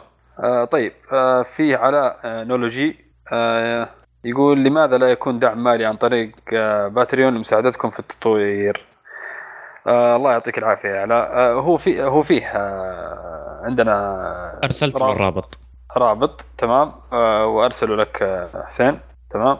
آه بس هو موجود في نفس الصفحة الرئيسية. و على تويتر. وعلى أيوه على نفس الصفحة الرئيسية على تويتر يعني. أي واحد ي- يبغى يطلع على ال- الحساب حق باتريون حق كشكول يروح الحساب آه، في في التويتر وبيحصل الرابط موجود. آه الله يعطيكم العافية جميعا. طيب في فيصلينو. آه السلام عليكم. آه عليكم السلام. ومبروك عليكم. الخطوة الجميلة. الله يبارك الله فيك يبارك فيك آه وش رأيكم بطريقة جوجل ب software الكاميرا؟ وهل فعلا ال hardware مو بمهم لذيك الدرجة؟ آه مين بيجاوب يا شباب؟ أنا الجواب آه والله تفضل يا بدر هو معلش هم ما مو. هم سووا حركة جديدة جدا آه، اعتمدوا على قوة ال software عندهم وصار بصراحه أفضل كاميرا موجودة في السوق وهذا شيء جدا رائع بس نفس الشيء العتاد حق الكاميرا ممتاز أساسا الحساس أصلا جاي من سوني حساس ممتاز كل الأشياء الثانية كانت ممتازة فهم جمعوا ما بين ال software والهاردوير مم. بس زي ما تكلمنا أول سوني عندهم hardware ممتاز بس ما عندهم software سيء فنتائجهم دائما سيئة. الحين هنا اثنينهم عندهم في جهتين حققوها عشان كذا هو رقم واحد في السوق. صحيح. شوف أنا بأخت... ب... بقولها بطريقة بطريقة ثانية. آه ال hardware وال software كلهم مهمين لكن أهمية ال hardware عند المصور المحترف تمام؟ بينما أهمية ال software عند المصور الهاوي أو المستخدم العادي. ف الجوالات أيوه. فكل ما كان ال software آه، يعني ممتاز كل ما كانت الصور حقت حقتك انت آه، اللي تصورها في الحياة اليومية أفضل عرفت؟ ف فمهما كانت قوة ال- ال- ال hardware إذا كان ال software ممتاز آه، أنت بتطلع صور جيدة لك أنت كمستخدم عادي لكن كمحترف بيهمك كثير انه ال hardware يكون ممتاز خصوصا اللي اللي اللي هاوين التصوير والكاميرات الاحترافية قوة الع- العدسات وقوه الكاميرا نفسها آه، تفرق كثير عندهم. ولا لا يا شباب؟ مضبوط آه. شيء بسيط. أنت لو شريت كاميرا وعدسة خرافية وبمبلغ خرافي ورحت عند مصورين وحطيتها على الاوتو بيضربوك جربها. أيوه بالضبط. آه هذا آه، جواب بسيط. اي طيب آه في سالم آه يقول إيش أفضل سماعات بلوتوث من ناحية قوة الصوت ونقاوته؟ وما يتعدى 500 ريال. أبغى أستخدمها في السيارة أعتقد أيوه. ومبروك على التغيير الله يعينكم ويعيننا عليه. ويا ألف مرحبا بالأعضاء الجدد. تحياتي. الله يعطيه العافية. الله يعطيك العافية ويبارك فيك إن شاء الله. والأعضاء الجدد يسمعونك آه يرحب فيكم يا شباب. أهلا يعطيه وسهلا. العافية. إن شاء الله يكون عندك. طيب آه، إيش أفضل سماعة بلوتوث يا شباب من ناحية جودة الصوت؟ أنا سعرها, شباب. سعرها مناسب. م. أنا في سماعة استخدمتها السنة هذه جتني بس يعني آه، استخدمت طبعا استخدام يومي تقريبا. أي. هي سماعة آه، Anker Soundcore Sport XL. حلو. سعرها جدا مناسب وسماعة جدا يعني. بقول Anker ما شاء الله. سبقتني آه بكم سعرها؟ سعرها تقريبا من 200 ما بتعدى ال 250 على حسب السوق. ممتاز ممتاز. تمام. موجوده س- متوفره عندنا هنا في جرير. أيوه لا متوفره متوفره في جرير ومتوفره ب Souq dot com ومتوفره بنون ومتوفره ب وادي. آه، برضو الوكيل اللي هو ركن الشريف كلها آه، موجودة. آه وعليها هي الضمان ك- كيف طريقتها؟ يعني زي سماعة أبل كذا صغيرة ولا كيف طريقتها؟ لا لا لا لا. آه، هو يبغى دقيقة هو يبغى speaker لأنه واضح إنه يبغى speaker لأنه قال السياره أي speaker لا، مش مش سماعة. أنا okay، جاي يعني ما- اللي ما جاي يبغى يتكلم فيها. أنا اللي هو جاي في أيوه تفكيري. شوف. لأنه هو الظاهر إنه قال يبغى سماعات بلوتوث قال أبغى أستخدمها في السيارة ففي الأغلب إنها speaker أنا رحت speaker ترى يا شباب. آه okay okay okay. هو speaker أنا هذا نفس الشيء. اي speaker فهي speaker مقاومة للموية تمام. مقاومة للغبار للموية والغبار وتصل للصدمات تمام. استخدام كرف okay. والبطارية حقها جدا خرافية 15 ساعة تقعد آه، شغالة. آه، شغالة يعني وهي شغالة على الأوديو يعني مو بس إنه شغالة ممتاز والصوت فيها جيد يعني كجودة صوت. صوت جدا جيد من ناحية جودة من ناحية نص عالي. تمام؟ آه وبرضو بدك تستخدمها ك power bank مو بس آه سماعة. هذه ميزة آه. رهيبة. حلو حلو حلو حلو وفي برضو اللي هو انك تشبكها سلكيا ولا سلكيا؟ طبعا سلكيا الحين خلاص ما أتوقع إنه في أي بدعم. ممتاز. يعني اعطوا تشبك بلوتوث وخلاص يشغل أي بلوتوث؟ واتصال بلوتوث حقه قوي برضو يعني ما هو الاتصال ال- تقريبا بيعطيك الظاهر 10 أمتار أو أكثر إذا ما خاب ظني مم. آه هذه هي بس حلو الله يعطيك العافية في أحد عنده سماعة ثانية يا شباب؟ اي آه، تفضل. المشكلة هو السؤال واسع ما حدد سماعة البلوتوث بالذات هذه الفترة طلع نوع جديد آه، إيه. هل هو يبغى speaker هل هو بس لما قال في السيارة آه، فأنا أعتقد انه قصده من السماعات اللي تجي آه، حبة واحدة وسماعه واحدة فقط على أذن واحدة اللي. يجي فيها المايك حق الاتصال. أيوه أو إنه speaker كبير يعني زي اللي إنه ذكره، speaker كبير. آه، وليد إذا كان إذا كان النوع اللي يجي فيه مايك حق الاتصال هذه آه، في جرير في أنواع سنهايزر تقريبا ما تعدى ال 300 ريال. آه، أما إذا كان speaker في نوع من سوني وفي منه كذا مقاس. الجميل فيها مدتها 16 ساعة standby ضد المويه آه، ضد الصدمات لأن جاي أصلا rubber. آه، والحركة اللي عجباني فيها بين تاخذ ثنتين وتخلي واحدة يمين واحدة يسار. اوه مم. فهذه حركة جميلة. آه، في منها أكثر من مقاس وعلى حسب المقاس تزيد معك المواصفات. آه، أصغر واحدة أنا شاريها آه، لاصغر مقاس سماعة واحدة آه، تقريبا آه، 200 إلا ريال. آه، في المقاس اللي أكبر منها آه، 400 إلا ريال. آه، هذه الأسعار القديمة. أها حلو. الله يعطيك تحت ال 500 يناسب. طيب آه في برنس آه آه يقول آه بعد ال U آه 11 من HTC وال P 10 من هواوي. إيش المتوقع والمعنى للجيل الجديد و... وأي الجديد من تقنية؟ ما أدري ما فهمت ال... لكن أتوقع قصده من HTC وهواوي. إيش المتوقع منهم؟ هل ممكن بينافسون قصده يمكن ولا لا؟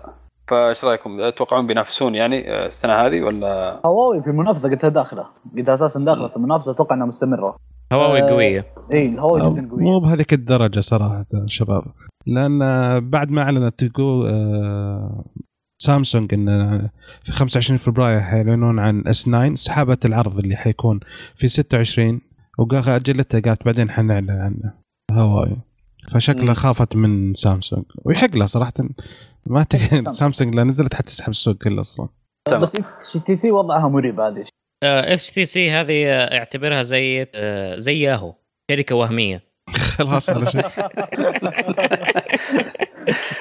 والله شوف آه، لا زالت تقاوم صراحة يعني في قطاع الجوالات برا. الموضوع. شوف ما تدري يمكن يمكن حتطلع بشيء السنة هذه خصوصا إنه باقي ما ساكتين لهم فترة ترى H هو ال- جوجل اشترتها خلاص. اشترت قطاع الجوالات. يا أخي هو أنا هم خلاص صاروا مع جوجل خلاص رسميا. إيه خلص. خلاص. باسم باسم HTC ولا خلاص آه، باسم جوجل؟ يعني هل بينزلون جوال إتش سي ولا. شركه شركة HTC مستمرة؟ HTC مستمرة مستمرة. آه فإن شاء الله نشوف. ما ت- ما دام زي كذا ما أتوقع إنه جوجل بتخليها تنزل جوال ينافسها يعني بشكل مباشر. أتوقع يعني- برضو جوجل ناوي تدخل في منافسة برضو. لا. ناوية بقوة. مع ناوية بقوة. البكسل اي أكيد أكيد. طيب آه في آه اوبك أو O P E C يقول أول شيء ألف مبروك على التغيير الجديد والى الأفضل. الله يبارك فيك ويعطيك العافية. يقول سؤالي هل توقعاتكم السنة هذه حتكون فيها تطور كبير من ناحية التقنية؟ وبالأخص الجوالات ولا نفس السنة الماضية. طيب خلينا أنا أبدأ بس بجاوب. آه أنا بالنسبة لي أتوقع إنه آه ما في ذيك النقلة. وحنا شفنا تسريبات ال S 9 واللي ما فيها ذاك الشيء اللي يحمس صراحة. بالنسبة للآيفون أتوقع إنه بيكون آه تطور مباشر للآيفون X. ف يعني كه- كهاردوير كقوة وسرعة وأداء فقط يعني ما بيكون في ذيك الابتكارات أو ذاك التغيير اللي بنشوفه. فبتكون سنة صعبة صراحة صار صعب إنك تشتري فيها أو تختار فيها جوال أو إنك إذا تبغى تغير مثلا صعب إنك تغير. تقول بظل أنتظر السنة اللي بعدها. أنا بالنسبة لي أشوف زي كذا. طيب إيش رأيكم يا شباب؟ في أحد عنده رأي الموضوع هذا؟ آه نفس كلامك. آه السوق السنة الجاية تقريبا راح يكون ميت. تقريبا. من ناحية آه ابل وسامسونج نزلوا آه كل اللي عندهم. نزلوا كل كروتهم اللي كانوا ماسكينها لفترات طويلة. ابل أتمنى إنها تشيل الزيادة هذه السوداء اللي في الشاشة حق الآيفون X أو ما 10 حتشيل. ما أتوقع لأنه هذه هذه يفتخرون يفتخرون فيها. عشان trademark هم. يا. عمي حرام على ز... عليك يا خلى خلى الزبون يستمتع بالشاشة الجميلة. ليش تحرمه؟ يعني بس- فعليا. آه ممكن ممكن هواوي. ممكن هواوي عندها شيء. شاومي برا الموضوع. آه شاومي برا الموضوع. فيفو هواوي فيفو برا الموضوع. أيوه. آه ممكن هواوي عندها شيء آه مخبيه الأيام القادمة عاد الله أعلم. أما الباقي لا تتوقع منهم كثير. السنة راح تكون آه، جوالات مكررة. بس. أعتقد إنه بس ال- توجهك الحين الشاشات الطويلة. بنسبة وال- 16 18 9 بس. أيوه الأبعاد الجديدة فقط. مم. طيب آه وليد بغى يقول شيء ترى. يقول ب- زي ما قلت برضو شاشة طويلة وال Face ID يعني أتوقع هو توجه الحين دائما ابل هي اللي بتقود الترند يعني في الجوالات. اي بس إنه آه، موجود يعني already يعني ما في ما في شيء. أنا أتكلم يعني بس الشركات مثلا. زي آه، هواوي وهذول ما أتوقع إنه في هو ترند شوف الشيء اللي لو سوته ابل أنا بعتبرها غيرت كثير اللي هو البصمه البصمة في الشا... المدمجه في الشاشة. لو سويتها السنة هذه يعني أتوقع أتوقع بس انها بتكون نزل نقلة- الشركة. نقلة حلو نقلة في حلوة شركة تقنية في إيه. فيفو. شغال فيفو اللي هي ش... فيفو ولا شاومي؟ لا فيفو لا فيفو أيوه فنشوف اذا إذا أبل أو الشركات الكبيره توجهت التوجه هذا ممكن هذا هذا التغيير ال- ال- المنطقي اللي ممكن يخليني أتحمس آخذ جوال يعني جديد صراحة. طيب آه فيه آه نواف آه يقول الله اولا الله يعطيكم الألف عافية الله يعافيك. آه يقول ثاني هل تتوقعون راح يكون فيه قفزة بعالم الجوالات مستقبلا مثل اللي زينا ستيف جو- جوبز أو إنهم وصلوا لجدار مستحيل نتعداه بس زود بطارية وأفضل شاشة وكاميرا. دار أتوقع جاوبنا عليه قبل شوية السؤال أي. هذا بس كقف هم يمكن يمكن قصده مستقبلا يعني مستقبلا آه، أي. أكيد عطها 10 سنوات إلى 20 سنة بالكثير كثير. أقل أقل. كثير بالكثير بالكثير. أربع سنوات تخ... لا، لا. يعني خلي الاي قفزات بسيطة. ال AR يشتغل قفزات جدا بسيطة وتكاد لا تذكر حاليا. يعني حاليا قفزات بسيطة وتكاد أيوة. لا تذكر. آه ممكن قول كل سنتين كل ثلاث سنوات. أتوقع ثلاث سنوات هو ال average حق أيوه كل كل ثلاث. سنوات راح يكون في فرق بين الجوالات. لكن صح. هو قصده قفزة قوية. من أي. جوال لأنه شيء شيء. غير غير أيوة. عليك مفهوم كامل زي ما غير ستيف جوبز المفهوم بالجوالات لما طلع الآيفون هو قصده أيوة. شيء زي كذا السوق ما كامل يتغير شيء قريب ما أتوقع في شيء قريب. هذا ما في شيء قريب إيه طيب آه فيه آه ماجد يقول الموعد كان 15 بس آه يقول لك خير البر عاجلة طيب طيب شكرا آه. طيب آه يقول إيش رأيكم بال Netgear Orbi وال Google WiFi آه المهم هذه النوعية من ال routers. فايش رأيكم فيها؟ آه ما أدري سلطان ما سمعنا صوتك. آه، إيش رأيك؟ آه تعرفها عندك فكرة عنها؟ إيه هي أتوقع هي نفسها اللي تغطية المنزل كامل بالواي فاي ما إيه تكون في مناطق آه، آه، زي النقطة العمياء ما فيها واي فاي ابدا. آه، جميلة لكن لها طبعا مساوئ. آه، خصوصا في ال ping آه، اللي يهم استجابة آه، اتصال. خصوصا آه، يعني تهم في الألعاب. بس ما ما تهم في ال streaming أو التصفح العادي. يعني إيجابيتها باختصار إنه يوصل إلى كل ال- كل البيت. سلبيتها ممكن إنه ال ping عندك يرتفع. يعني استخدامها ما بدك تقول استخدام بدك تستخدم استخدام مكاتب عشان تغطي مثلا صح. أماكن معينة أو أي. استخدام آه، شركات اي صح. على أساس. المناطق العمياء توصل لها هذا يوصل لها الاتصال الانترنت أو مثلا بيت دورين مثلا. في بيت دورين زي كذا. آه حلو.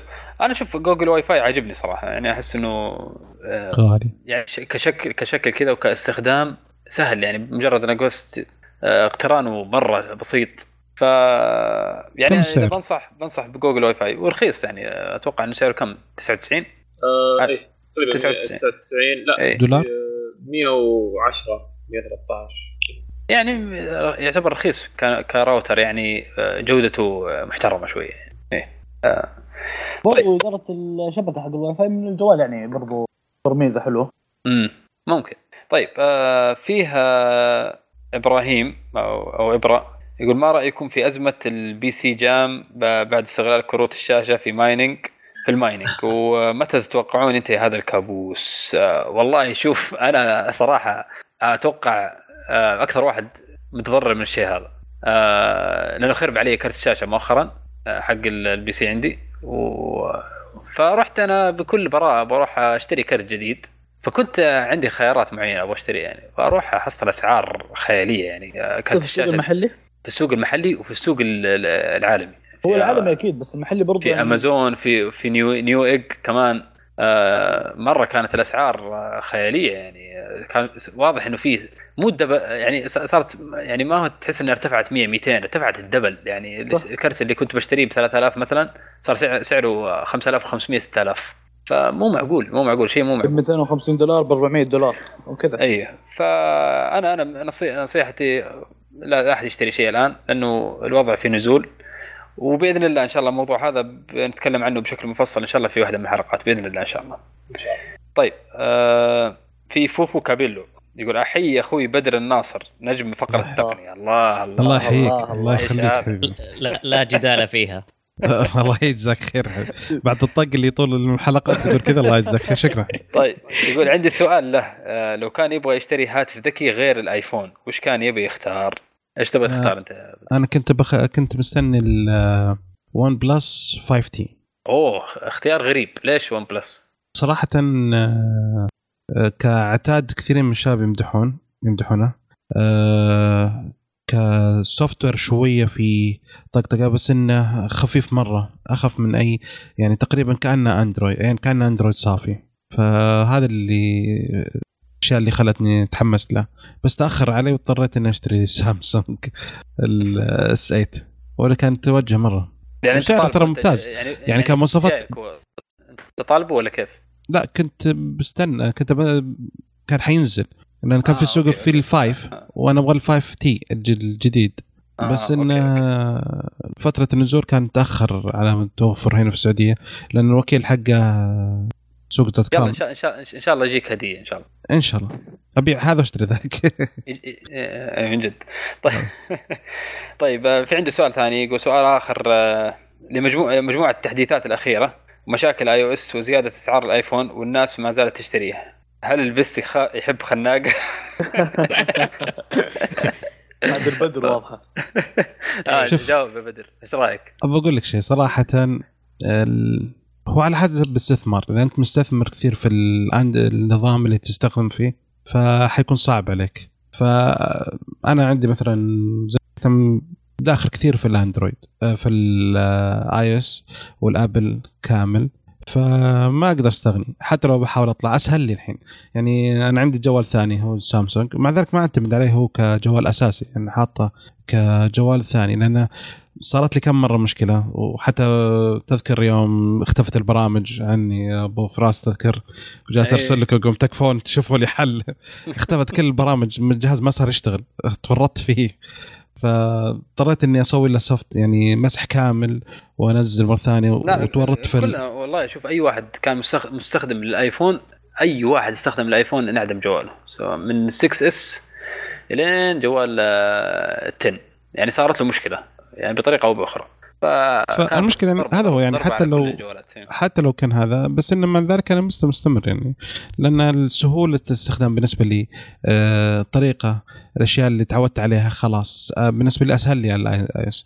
أنا جربت النظامين آه، بالنسبة لي أنا مختار فما معتمد خلاص يعني ما ما عندي أي خيار ثاني هذا الجوال اللي بشتريه. يعني أنا أنا زيك تقريبا لأنه خلاص آه، ارتباط ال iOS عندي مثلا عندي الساعة وعندي الماك الماك فلازم يكون عندي جوال iOS عشان آه، ممكن آخذ جوال ثاني إضافي اندرويد يعني أنا بغير صراحة أنا بيكسل 2 عاجبني صراحة جدا يعني أتمنى اشتريه لكن آه، ما أقدر أخليه شيء رئيسي وفي نفس الوقت ما أقدر أشيل جوالين معي. يعني أحس إن أنا ما أحب الحركة هذه إني أشيل جوالين معي.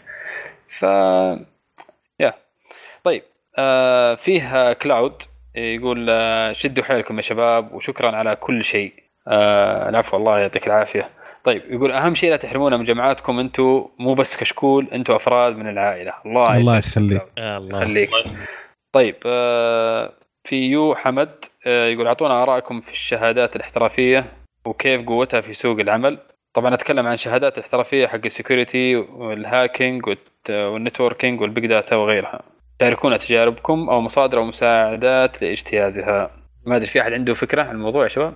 آه،. سلطان؟ آه، شهادات بشكل عام ترى اذا ما أنت فعلا تشتغل أو باين في عملك ما تهم ابدا الشهادة خصوصا في المجال التكنولوجي آه، بيخلونك تطبق أمامهم وإذا طلعت آه، سيء على طول ما راح تنجح بالوظيفه بخصوص ال- آه، ال hacking ال networking ال big data أتوقع إن هي مهمة في تحليل البيانات.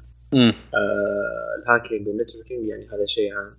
وزي ما قلت في البداية إنه يكون ملم أكثر أهمية من ياخذ شهادة. أها. يعني آه بس الشهادة تفيد يعني لما الشركات تفيد كبيرة صحيح، تدور تفيد. يقول عندك شهادة هذا ب- بلص قوي جدا لك. إي صحيح شهادة تفيد لكنه بس الخ... الخ... ما هي تقصد- المقياس؟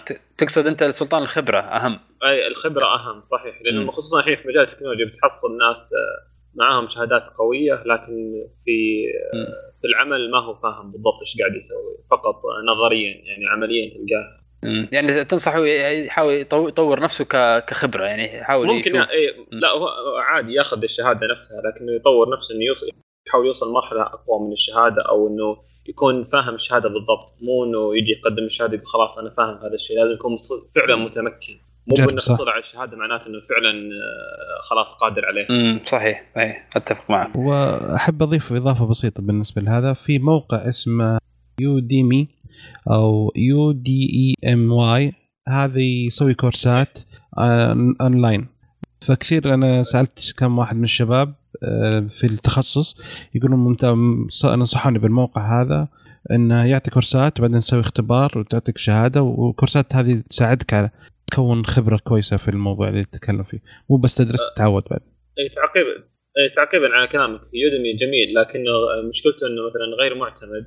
آه، فهو مثلا إذا يبغى يتوظف فيه آه، يعني في سوق. العمل ما ما يفيده.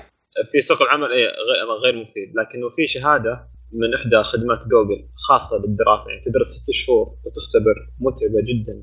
ومرة advance يعني متقدمة جدا شهادتها يعني قوية حتى لو أنها مو معروفة في السعودية بس بمجرد ما أي شخص تكنولوجي يشوف الشهادة يعرف إنك واصل مرحلة قوية جدا ممتاز ممتاز يعطيكم العافية.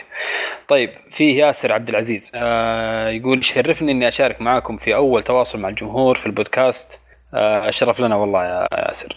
يقول سؤالي هو كيف أقدر أستفيد آه من خدمة CarPlay الخاصة بشركة ابل لو كانت سيارتي قديمة؟ وهل بالإمكان تركيب مسجل فيها آه تركيب مسجل فيها هذه الخدمة ومن وين ألقاها؟ آه ما أدري في أحد بيجاوب يا شباب؟ أنا تفضل حسين. آه يعتمد اولا على نوع سيارتك آه فيه شاشات أو بالأصح شركة تنتج شاشات آه بايونير تقريبا اسمها كذا إذا مو غلطان شاشات سيارات. آه في عندهم موديلات آه، قديمة لكنهم نزلوا لها تحديث تقدر تخش موقعهم إذا شاشة سيارتك من هذه الشركة آه، تقدر تخش موقعهم وتنزل التحديث وتثبت آه، التحديث الجديد راح يكون فيه ال CarPlay آه، وال Android Auto حلو. آه، إذا كانت إذا كانت سيارتك آه، جديدة مثلا هيونداي وما عندك ال CarPlay بسبب ال- آه، الوكيل هنا. آه، ففيه تقريبا آه، كذا شرط. تقريبا مقاس الشاشة لازم يكون فوق سبعة أو شيء. تخش موقع الشركة نفسه بنفس ال SD اللي موجود عندك في الشاشة. تاخذه وتثبت فيه التحديث وترجع تركبه في السيارة وتسوي التحديث. راح ينزل معك آه، ال CarPlay وال Android Auto. آه، بشكل عام آه، إيش موديل شاشة سيارتك؟ سجلها عندك في سجلها في ال search واكتب التنزيل راح تجيك الطريقة وكل شيء.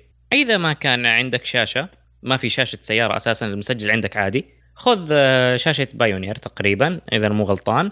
و آه، يعني يبارك عندك. يبارك في النهاية توليف يعني تولف شاشة و لا هو لا. تقدر في شو اسمه زي امازون تقدر تروح تطلب تدور عن شاشة على حسب تناسب لك على حسب الفتحة الموجودة بالسيارة وفي شركات فيه من ال Pion- في Pioneer في JVC في سوني حتى في آه، Bose أعتقد في أي، سامسونج أي،. آه، شو اسمه امازون 200 دولار أي آه، دعم نفس كامل. المقاس. نفس المقاس اللي يتناسب معك بس أنا أكثر شفت الردود الإيجابية كانت على بايونير امم تمام. آه طيب فيها مقتدى يقول شنو شنو أجمل واجهة أندرويد بالنسبة لكم؟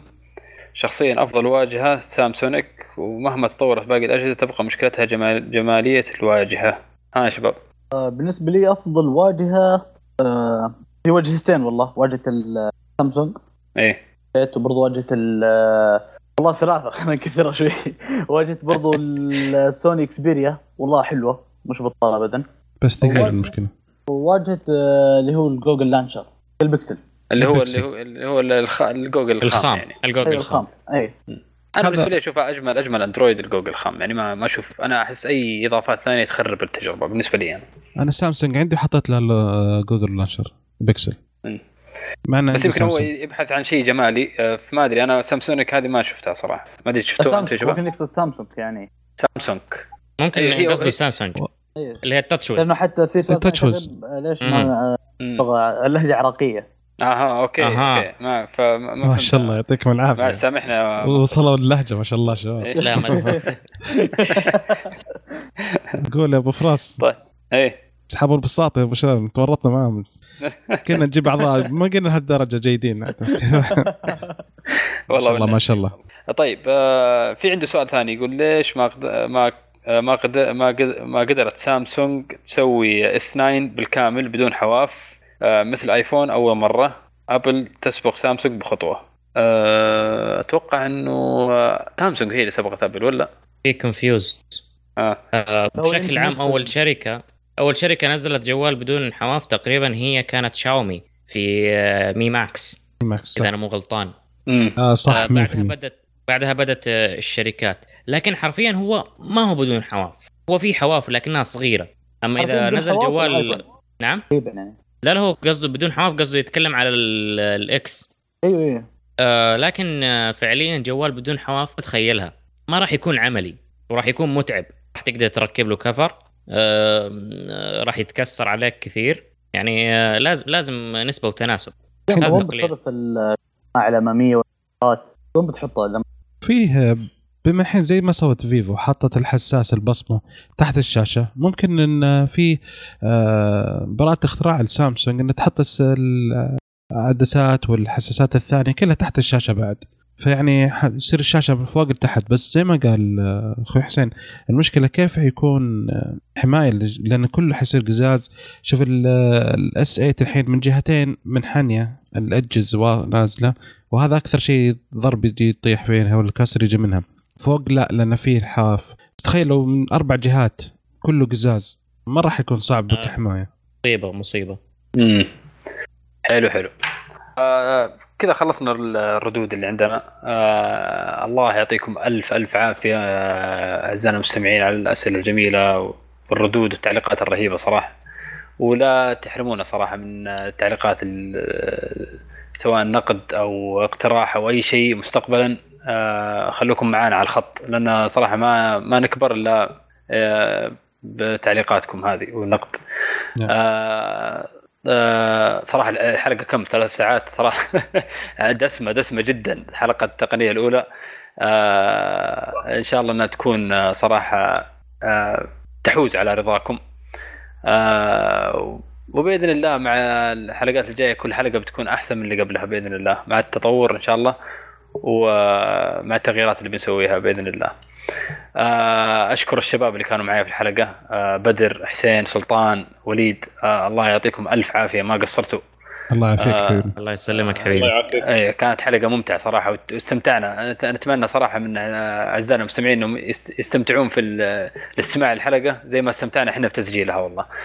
آه و أي اقتراحات آه أي آه شيء نقدر نطوره آه لا تبخلون علينا بالاقتراحات والنقد آه ونشوفكم إن شاء الله بإذن الله في حلقة قادمة ونشوفكم على ألف ألف خير إن شاء الله. يعطيكم العافية جميعا.